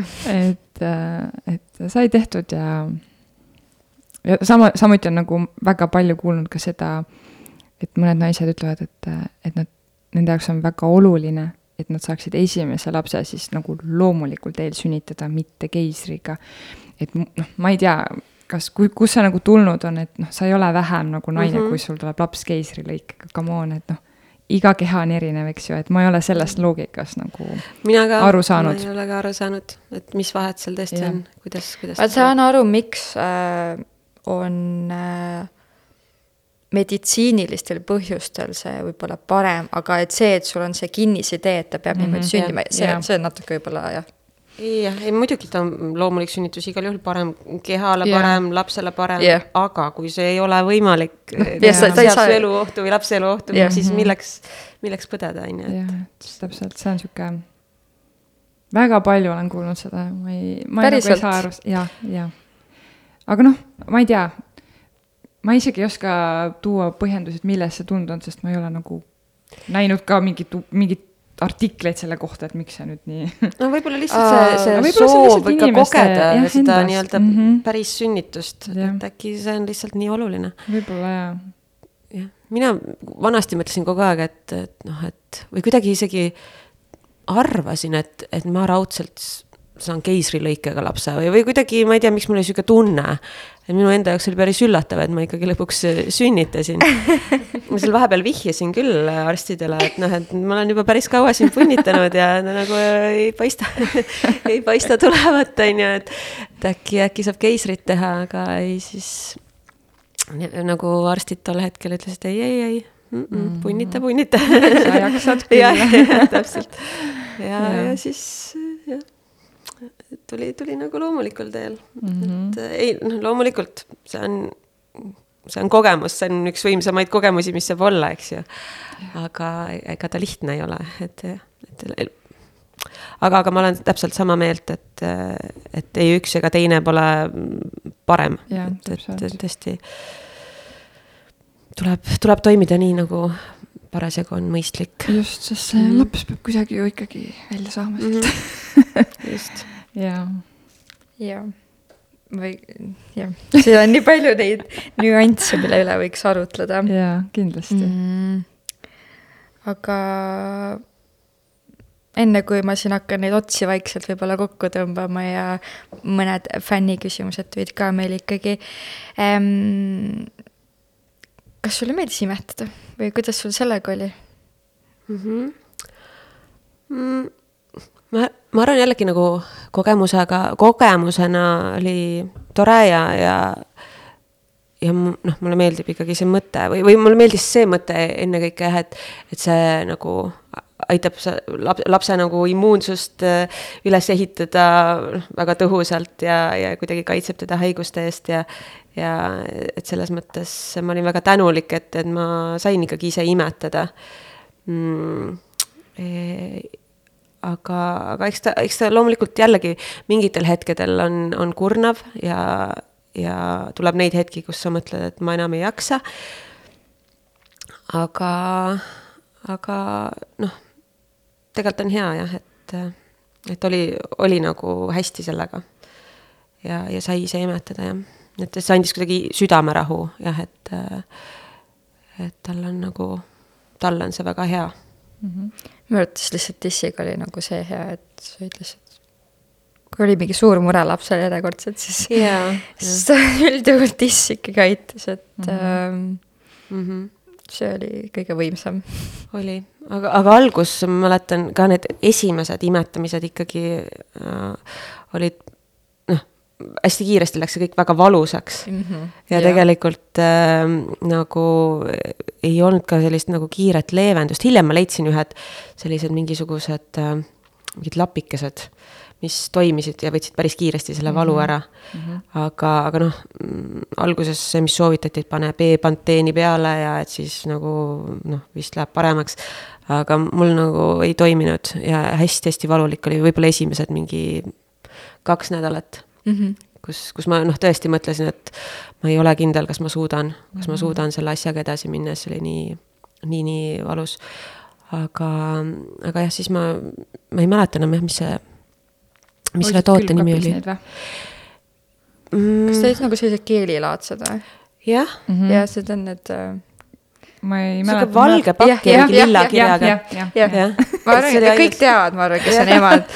aga näiteks haiglas seda toodet ei soovitatud mm -hmm. alguses, et äh, keegi ei maininud seda, oligi mm, -hmm. pange mingit B-panteeni peale, mis minu arust ei teinud mitte midagi.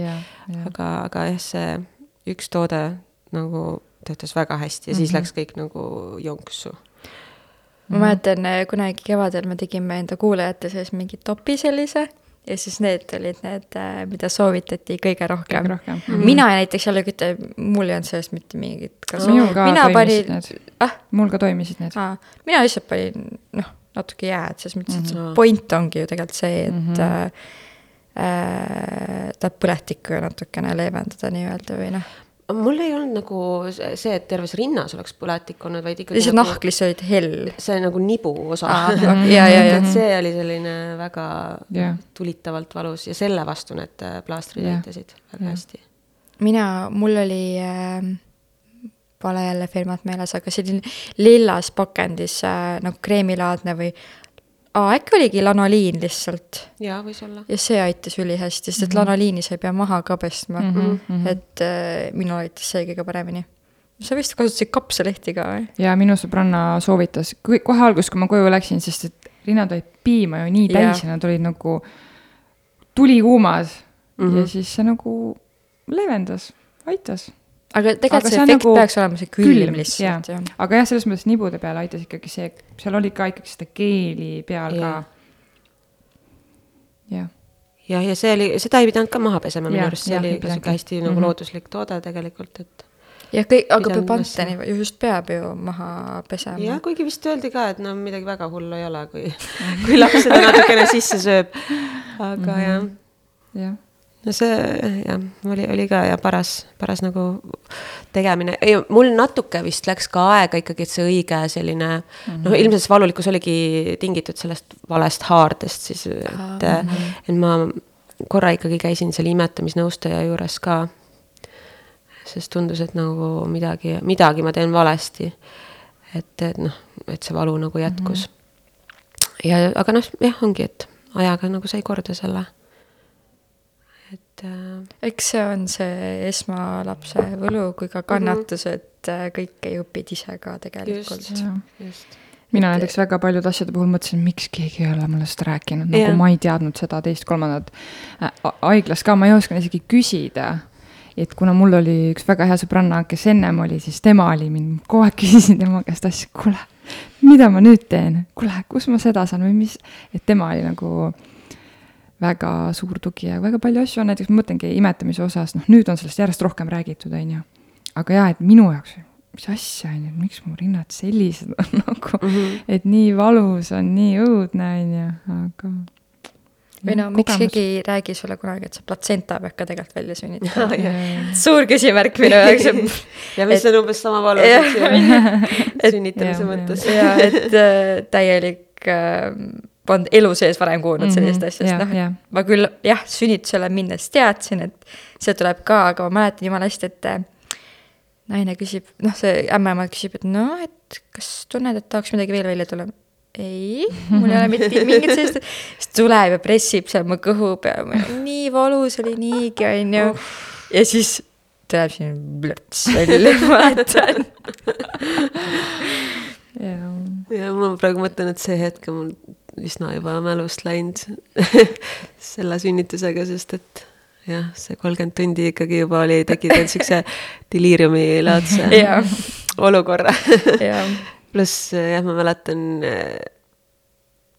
jah, veel see hetk, et eks ju öeldaksegi, et hästi oluline on see nahk-naha kontakt, on ju, et mhm. kohe, kui laps on ära sündinud, siis võtad ta rinna alla ja hoiad teda siin, on ju, mis on nagu mõte on väga ilus, aga, aga noh, mulle hakati nagu õmblema siis, eks ju, kohe mhm. pärast sünnitust. Ja ma mäletan lihtsalt see tunne, et appi, mind õmmeldakse parasjagu. Ja siis mul peaks olema see kõige ilusam hetk siin lapsega nahk-naha vastas. et see kuidagi tundus mulle nii veider. Ja siis ma, siis noh, natuke hoidsin teda alguses, eks ju, aga ikkagi siis mingi selle õmblemise poole pealt ma palusin, et kas Egert, sa saad äkki ise, ise seda nahk naha, nahast yeah, yeah. kontakti nüüd jätkata, et mul on nagu väga veider praegu olla.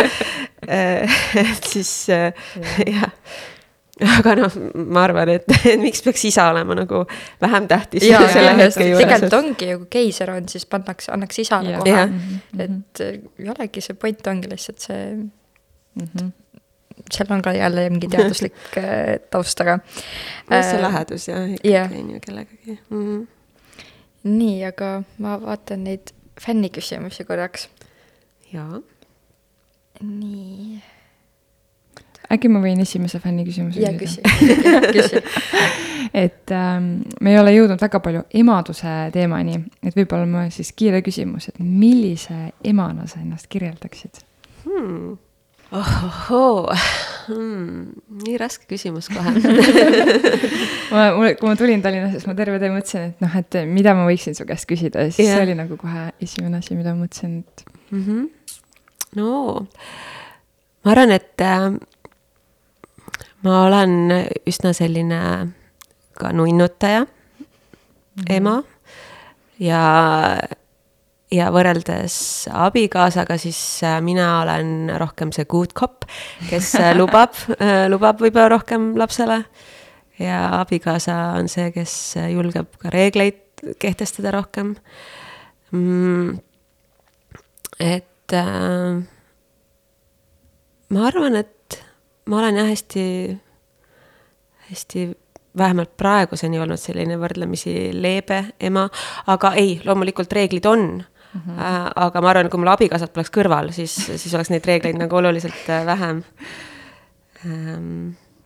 aga jah, minu jaoks on oluline, et äh, et kuidagi, et, et mu laps oleks mu ellu võimalikult palju kaasatud, et noh, et tõesti, et, et kuidagi noh, kasvõi, kasvõi see, et, et ta selliseid tavaelu askeldusi minuga kaasa teeks, on ju, ja, ja, ja ma olen selline ema, kes ühest küljest küll olen selline nunnutaja, kallistaja, musitaja, aga teisalt ma ikkagi, ma räägin temaga nagu päris inimesega, et mul ei ole seda, et kuidagi suhtuks temasse kui, kui sellisesse pisikesse, vähem mm -hmm. tähtsasse tegelasse tänu selle, et ta on minust noorem. püüan temaga võimalikult ausalt asjadest rääkida, mõnikord võib-olla räägin liiga ausalt just hiljuti oligi jällegi, kus mu abikaasa ütles mulle, kuule, sa ei pea nii nagu detailselt kõigest rääkima, et äh, ja käisime Raekoja platsis jõuluturul ja siis äh, noh, olgugi, et see oli ka jõuluvana ja kuuski palju -hmm. põnevat, aga aga mis Millile jättis kõige suurema mulje, oli seal üks timuka kostüümis mees, kes kuskil rest-, mingisse restorani inimesi nagu sisse, sisse kutsus ja siis, siis kuna ta tahtis teada, et kes see onu oli, siis ma rääkisin talle, kes see Timukas on. aga, aga see nagu, see teema nagu kuidagi nii paelus teda, noh, eks see natuke oli hirmus ka ilmselt, et ta nagu mitu päeva veel palus kogu aeg, et ma räägiks, kes see Timukas on. ja, ja siis äh, noh, ma rääkisin ikkagi ka sellest, kuidas pead lendavad, eks ju, Timuka tegevuse tagajärjel ja siis mu abikaasa oligi niimoodi, kuule, palun ära nii detailidesse mine. Aga, aga jah, et äh, ühesõnaga jah, ma arvan, et, et ma ikkagi olen nagu hea ema, olgugi, et vahepeal võib-olla liiga leebe, aga mm, ma arvan, et noh, see tervik ikkagi, ema ja isa kooslus mm, -hmm Mm, töötab hästi, et las siis üks olla see bad cop ja ma saan olla yeah. good cop. ja, ja tegelikult noh, ma ütleks, et Milli on väga, väga nagu tubli laps ja väga sõnakuulelik ja et ei ole mingit sellist asja, et oleks ära hellitatud ja. ja on tegelikult meile pähe astunud, et mm, -hmm. et ma arvan, et vähemalt praeguse hetkeni me oleme nagu hästi saanud hakkama eks näis paarikümne aasta pärast, mis, mhm. mis see tulem siis lõpuks on, aga, aga praegu on võrdlemisi nagu lihtne temaga ja ma arvan, et äh, iga ema, kellel on ikkagi õnnelik laps, on hea ema, et äh,, et noh, see on nii lihtsalt. ja mulle meeldib ka see mõte, et me, me ei saa kõiki ähm,, kuidas siis öelda, me ei saa kõikide valude eest neid kaitsta ja kindlasti me teeme vigu, kindlasti, et see on loomulik osa, et isegi kui sa nii palju püüad mitte teha, siis kahjuks äh, me oleme ka ikkagi kõik inimesed. jah, ja sa seni, kuni sa annad endast oma äranägemise järgi parima yeah., et siis ju tegelikult ongi hästi ja ongi, me kõik eksime yeah. alati saa, noh, ma arvangi, et ühtegi ideaalset ema ju ei olegi olemas ja ilmselt siukseid uuringuid ka eksisteerib vähe, et, et ähm, millised täpselt on need emad, kes on kõige edukamaid lapsi mina just tegelikult lugesin, selle kohta oli mingi, et äh, põhimõtteliselt äh, seal oli öeldud niimoodi, et äh, need vanemad, kes siis noh, kõige rohkem reageerisidki enda lapse nutu peale ja kes äh, olid nii-öelda meie mõistes siis need memmekad lapsed ja said musisid ja kallisid, et need olid kõvasti ikkagi edukamad kui mm. need, kelle, kellega oldi selline noh, range kasvatus nii et see oli minu jaoks no, no ikka hea. sa otsid seda, mis äh, läheb sinu enda yeah. mõttemaailmaga kokku, et see oli yeah. minu jaoks väga lohutav, et. ja ega ilmaasjata ei räägita, et lapsel peab väga palju lähedust andma yeah., see on mm -hmm, väga kindlasti. oluline. väga palju, jah, et äh, lähedust, tähelepanu, armastust, näitad talle, peegeldate talle väga palju erinevaid asju ja, ja näitad talle ise nagu, kui sa räägid lapsele umbes, et ma ei tea, et kui sa jalaga vastu seina lööd, sa saad haiget, on ju aga kui sa näitad talle mingeid asju ette, siis ta saab aru yeah., aa, okei okay.. näiteks see ka, et äh, noh, kallistamine, musitamine, ma ei lähe, kui ma tahan mehele musi teha, ma ei lähe temaga teise tuppa ja tee talle põse peale musi, vaid ma teen seda lapse ees või kallistamised mm. -hmm. minu lapse jaoks on see nii normaalne. kui me lähme maalt ära, ta kallistab vanaemad, vanaisa, onusid, kõiki lihtsalt mm. -hmm. et äh, siukseid asju peab nagu näitama, siis ta ja. teab. On, see on äh, küll väga oluline, et nad on nii, noh, nad ongi nagu švammid, nad yeah. kopeerivad yeah., eks ju meid. et äh, eks, eks tõesti laps ongi lõpuks selline, nagu sina oma eeskujuga talle oled mm.. et äh, äh, jah, et selles mõttes peab hea, head eeskuju näitama. et sellest ei ole pääsu. aga noh, see distsiplineerib ennastki. jah, täpselt mm, -hmm. täpselt. meil käis ju perenõustaja, kes rääkis ka, et et me võtame, sellised inimesed, nagu me praegu oleme, me oleme võtnud eh, väga palju asju oma lapsepõlvest yeah. nagu oma vanematelt, on ju, et kui sa karjud oma lapse peale ja sul tuleb meelde, et aa ah,, okei okay,, minul kodus uh -huh. oli tegelikult sama, on ju, siis noh, mingeid asju sa mõtled läbi, kui sa noh, distsiplineerid ennast iseennast, nagu sa ka mainisid, on ju, et mina ka väga tihti mõtlen läbi, enne kui ma midagi hakkan tegema, siis mõtlen, oot-oot, okei okay, ma teen teistmoodi mm -hmm. või ma mhm. proovin teistmoodi läheneda. et see pidev iseendaga töö ka on ikka yeah. väga mm, -hmm. väga nagu noh, ikkagi hull. Et, et ei ole nii lihtne, et laps sööb, magab, mängib. jah, jah. sa pead ikka ise ka tööd tegema on, ja tegelikult on nii tore mingitel hetkedel nagu näha, et kuidas ta konkreetselt sind nagu jäljendab. jaa, täpselt. jah. sest minu elukaaslane väga tihti ütleb, et et Riko, täpselt sinu sõnad, räägib täpselt nagu sina. mingite asjade koha või mingit väljendit, täpselt nagu sina.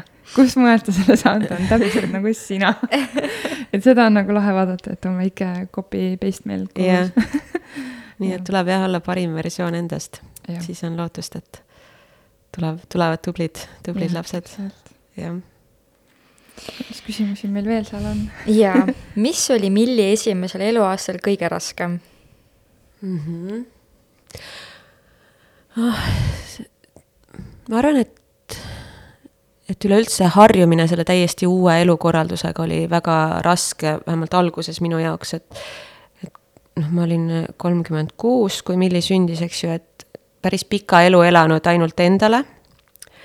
ja noh, niimoodi iseseisvalt et, et siis oli ikkagi väga raske harjuda sellega jah, et enam ei ole nagu aega üldse endaga tegeleda, tegeleda nagu päevapealt, eks ju, kaob ära võimalus, ma ei tea, kas või raamatut lugeda või, või rahulikult duši all käia, eks ju, et kõik, kõik see oli tegelikult küll, mida ma ei osanud nagu ette kujutada, et loomulikult sellest räägitakse, aga, aga ikkagi, et kui olulisel määral sa nagu oma senisest elust eemaldud, et, et see oli ikkagi nagu selline šokeeriv võib-olla isegi natuke.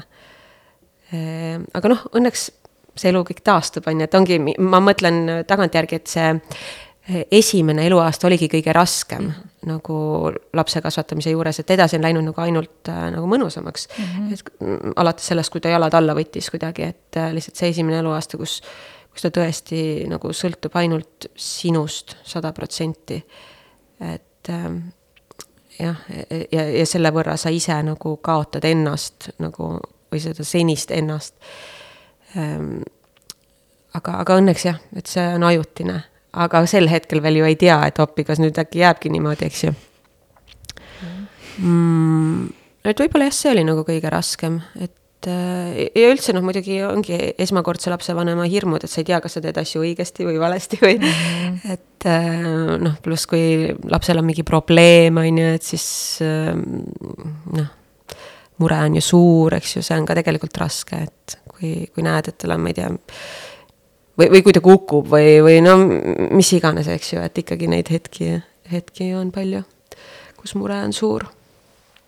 jah aga, aga jah, ma ütleks, et nüüd, eks ju, kus laps on juba kahe poole aastane, et siis on kuidagi nii, nii lahe see, et ta juba noh, nii palju suhtleb sinuga ja ongi sihuke iseseisev tegelane.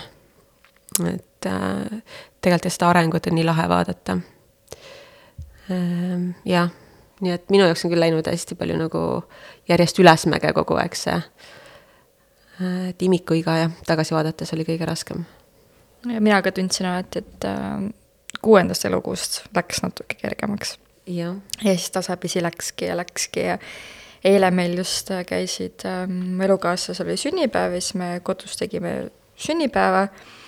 aga noh, mis eeldab ju seda ikkagi, et ma pean ju kodu ära koristama ja süüa tegema ja kõike seda. ma sain seda teha, selles mm -hmm. mõttes, et äh, aasta tagasi me kolisime Tallinnast äh, tagasi Tartusse ja see oli kohutav, sest et oli ikkagi kümnekuune mm -hmm. ja meil ei ole tugivõrgustikku ja kõik see asjade pakkimine ja kodu kordategemine uutele elanikele, see oli nii piinarikas mm. -hmm. Eh, aga nüüd jah, ta ikkagi on nagu mingi äme mm, -hmm. et tule seda korraks vaatama või issi. et jah, muidugi seda on, aga korra ütledki, et näed mm, -hmm emme praegu siin teeb, et või tule siis emme kõrvale, et lõikame koos seda sibulat ja et äh, see on nii vahva, et äh, natuke tuleb seda iseseisvust neil juba. jaa, see on väga lahe, jah.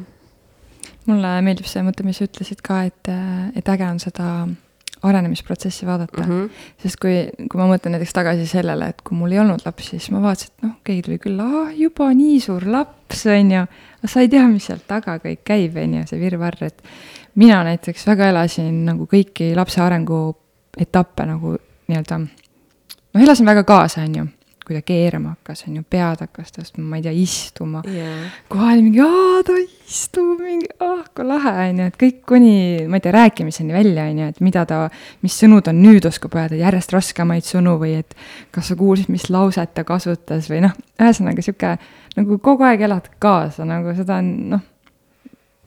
varem ei osanud seda ette kujutada, kui nagu, kui el elamuste rohke see võib olla tegelikult. ja, ja neid väikseid nüansse on tõesti nii palju, et muidu noh, ongi vaata, et lihtsalt on imik, on ju. Mhm. aga tegelikult, kui palju ta ühe kuu jooksul juurde ja, õpib või noh, ongi need tegelikult on võib-olla väiksed asjad eemalt vaadates, aga enda mm -hmm. jaoks on see suur asi, kui ta üks hetk seda pead hakkab hoidma, on ju, või, või kui ta lõpuks roomama hakkab ja nii edasi, on ju. Mhm jah. Äh, kas teil oli Tais abilisi ka lapse hoidmisel uh,? nii ja naa, ütleme enamus ajast ei olnud, aga me proovisime mm, varianti, et me võtsime äh, ühes linnas, kui me läksime Põhja-Taisse, Chiang Mai linna, siis me seal võtsime ühe abilise. mõtlesime, no proovime ära, et, et kas meil on siis lihtsam nagu võtteid teha. Aga me saime aru, et tegelikult ei olnud lihtsam et, et olgugi, et jah, mingisuguseid intervjuusid nagu sai rahulikumalt teha, et sel hetkel nagu teine inimene jälgis, eks ju, Millit. aga, aga samal ajal mm, kuidagi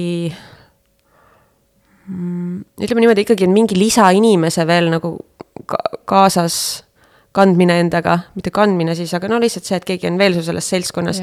Lõpp, lõppkokkuvõttes tegi nagu raskemaks selle olukorra, pluss noh mm, see noh, igal inimesel see, seda võib juhtuda, aga, aga üks hetk oli nagu see, et eh, noh, läksime ise immigratsiooniametisse seal oma viisasid pikendama, jällegi jätsime Milli siis selle lapsehoidjaga. ja siis, kui tagasi tulime, siis Millil oli, ma ei tea, mingi mokk lahti või, või katki kukutud ja, ja, ja silm punetas ja siis oli sihuke tunne, issand, mis toimub jälle, jälle kuidagi tundus, et okei okay,, et, et noh, ma ei tea, et seda kontrolli kuidagi omada oli nagu parem, parem tunne.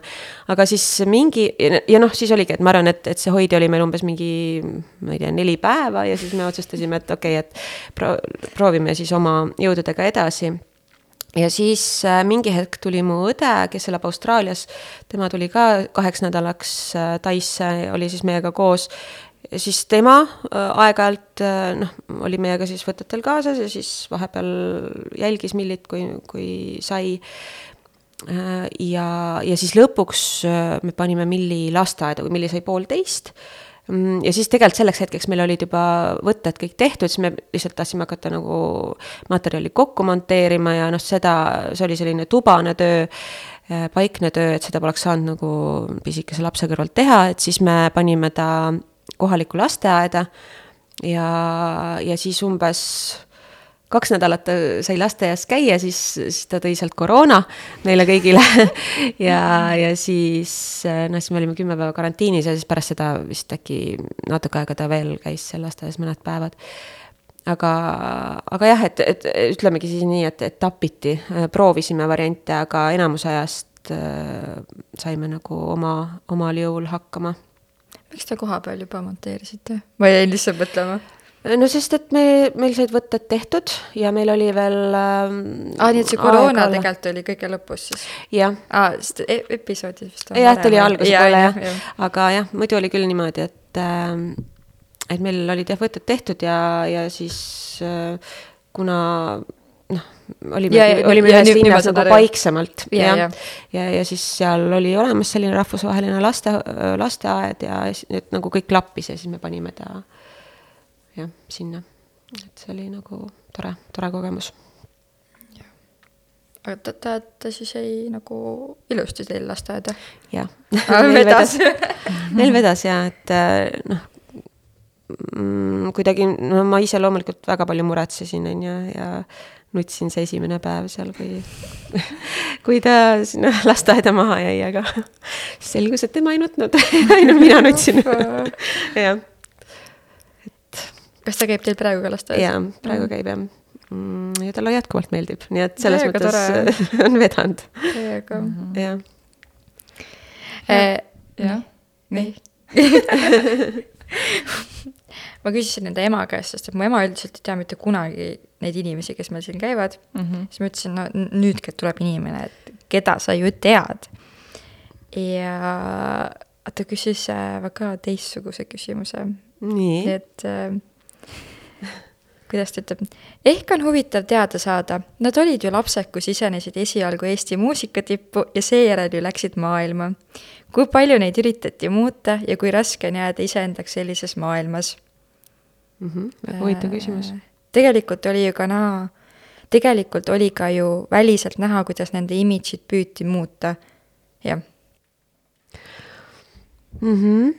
tõesti, no ma olin kaheksateist, kui me bändi hakkasime tegema et ütleme, see nagu, see selline baas, noh, meie see imidž, et kuidas me, me nagu noh, miksisime seda sellist ro-, roki esteetikat oma välimusse. et igasugused need needid ja, ja sellised äh, ketid ja, ja kõik, kõik see, see tuli nagu meie enda poolt, sest et äh, noh, mina ja Katrin, me olime pinginaabrid koolis, keskkoolis ja me käisime juba koolis niimoodi riides ja käisime seal. Tallinnas oli üks selline pood nagu äkki Hilparakas või? kus, kus müüdi kõiki neid kulinaid. oli jaa ja., oli jaa, midagi sellist. nii et, äh, et tol ajal me juba nagu olime selle poe siuksed püsikliendid ja, ja selles mõttes selline alg, algne ikkagi noh, visioon oli, oli, oli see, oli see, nagu me olime, eks ju. et ähm, et võib-olla kui me läksime Saksamaale jah, et siis nagu muusikaliselt see stiil muutus, sest et me hakkasime teistsuguste inimestega koostööd või noh, ka teiste laulukirjutajatega koostööd tegema. aga ma mõtlen just nagu see, millised me väliselt olime, et see nagu jäi enam-vähem ikkagi samaks, et, äh, et meil ei ole nagu kunagi olnud mingit stilist, noh, on aeg-ajalt mingite projektide juures on ikka stilistid ka abiks olnud, aga, aga ikkagi nemad on ka nagu lähtunud sellest, et noh, millised me juba olime, et mm -hmm. keegi ei püüdnud meist teha mingit sellist äh, midagi täiesti teist. et ähm,, et ma mõtlen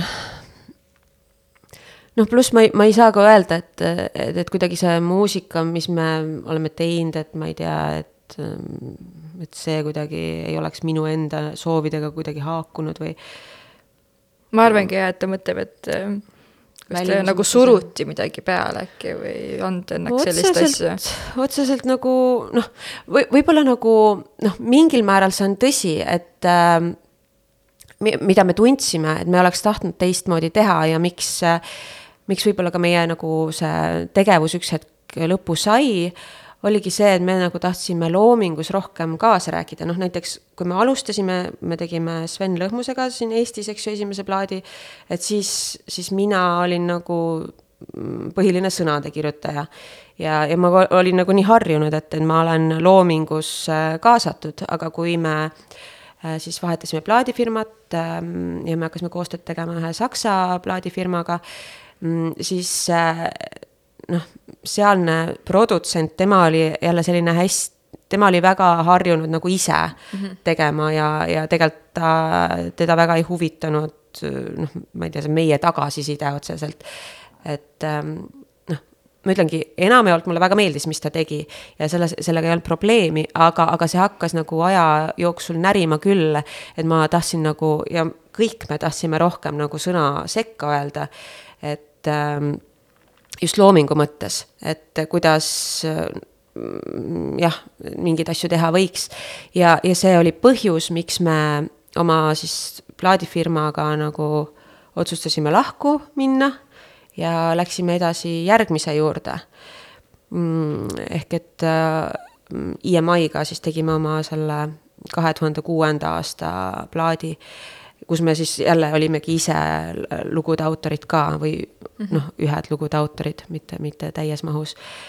aga, aga jah, et nagu, et mingi periood siis me olime justkui nagu ainult esitajad, aga, aga jah, see roll nagu natuke oli kammitsev, vähemalt noh, minu, ma tean, Lenna jaoks samamoodi, on ju, et, et nagu see soov rohkem ennast sinna sisse panna oli, oli nagu olemas või hästi tugev jah, ja see nagu lõpuks mm,, lõpuks jah, kuidagi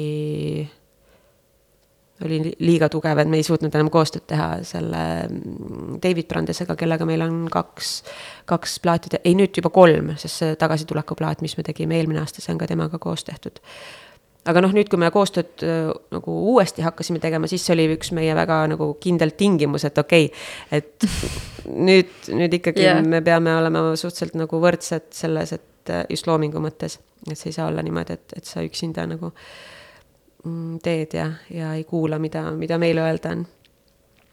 aga, aga noh,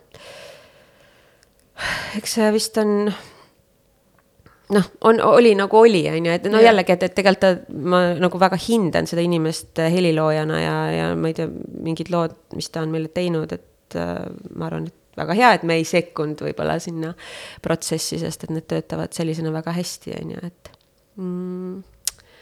nii et jah, et nii ja naa, aga ja, väga hea küsimus Sõemalt et väga põnev, täitsa teistmoodi küsimus? minul on endal ainuke fänniküsimus on see, et äh, mingisugust teost või podcast'i või mis, miskit äh, ükskõik mida, mida sa soovitaksid tarbida, et mis on mm -hmm. äkki sulle endale hästi südamelähedane mm? -hmm. las ma mõtlen. ma nüüd ei ole päris pikalt äh, või no ma ei olegi tegelikult väga palju podcast'e. ei pea olema üldse podcast mm, -hmm. võib-olla raamat, mis iganes. okei okay., jaa, see on ka üks asi nagu sihuke mm, jah, üks, üks asi siis lapsevanemaks olemise juures, et mida ma ei ole veel suutnud päris nagu lõpuni taastada, et, et oleks aega nagu noh, ma ei tea, midagi rahulikult kuulata või lugeda. et, et äh, ma olin päris suur lugeja vahetult jah, enne kui Milli tuli.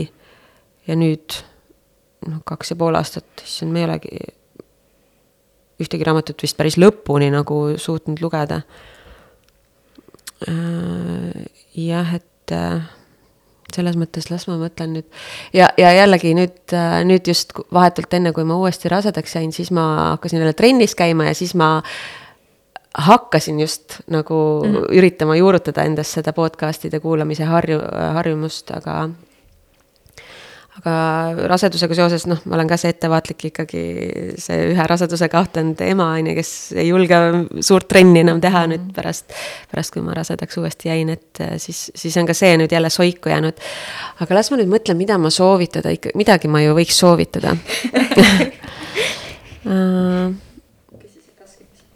jaa, väga-väga raske, issand, ma vaatan, kas, kas mul oli midagi, mida ma sealt trenni tehes ikkagi jõudsin nagu aa, tegelikult ikkagi jah, mis, mis mulle väga meeldisid mm,. ka trenni tegemise kõrvale kuulata ööülikooli loengud, seal on äh, palju toredaid äh,, toredaid episoode jah, kus siis erinevad targad inimesed oma mõtteid jagavad.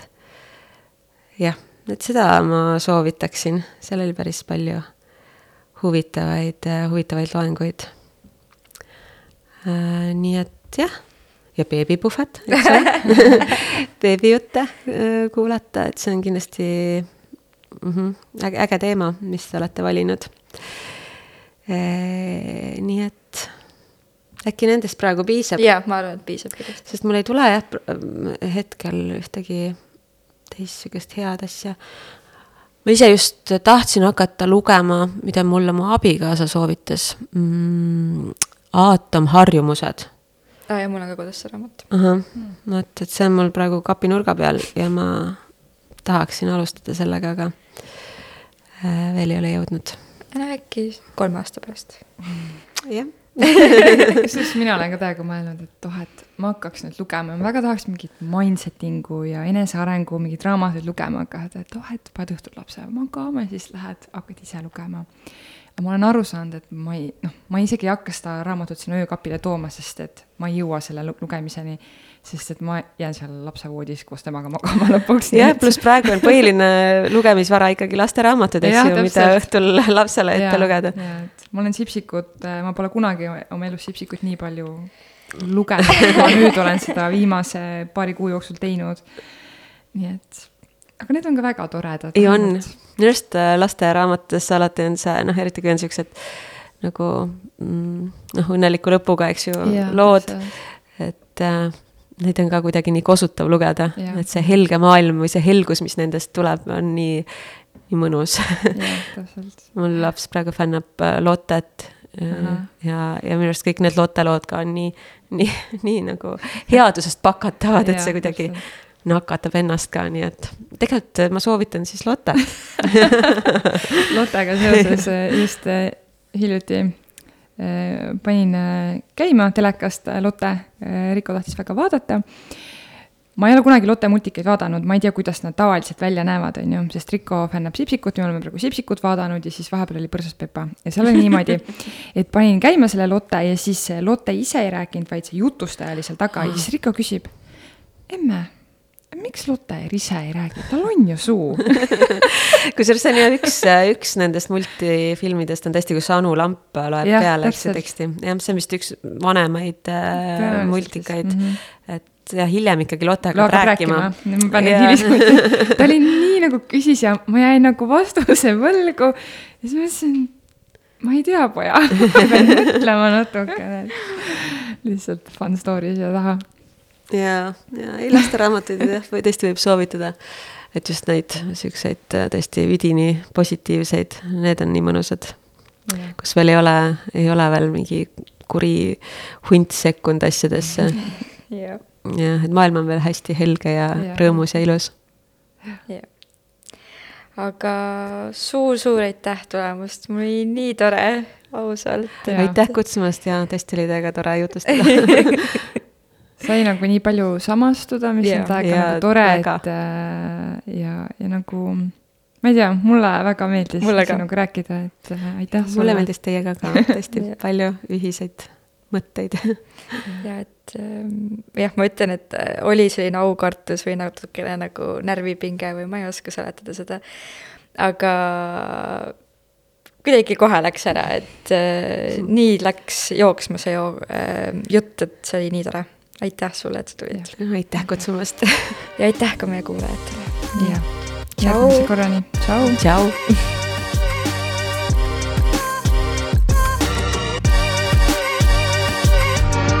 Bye.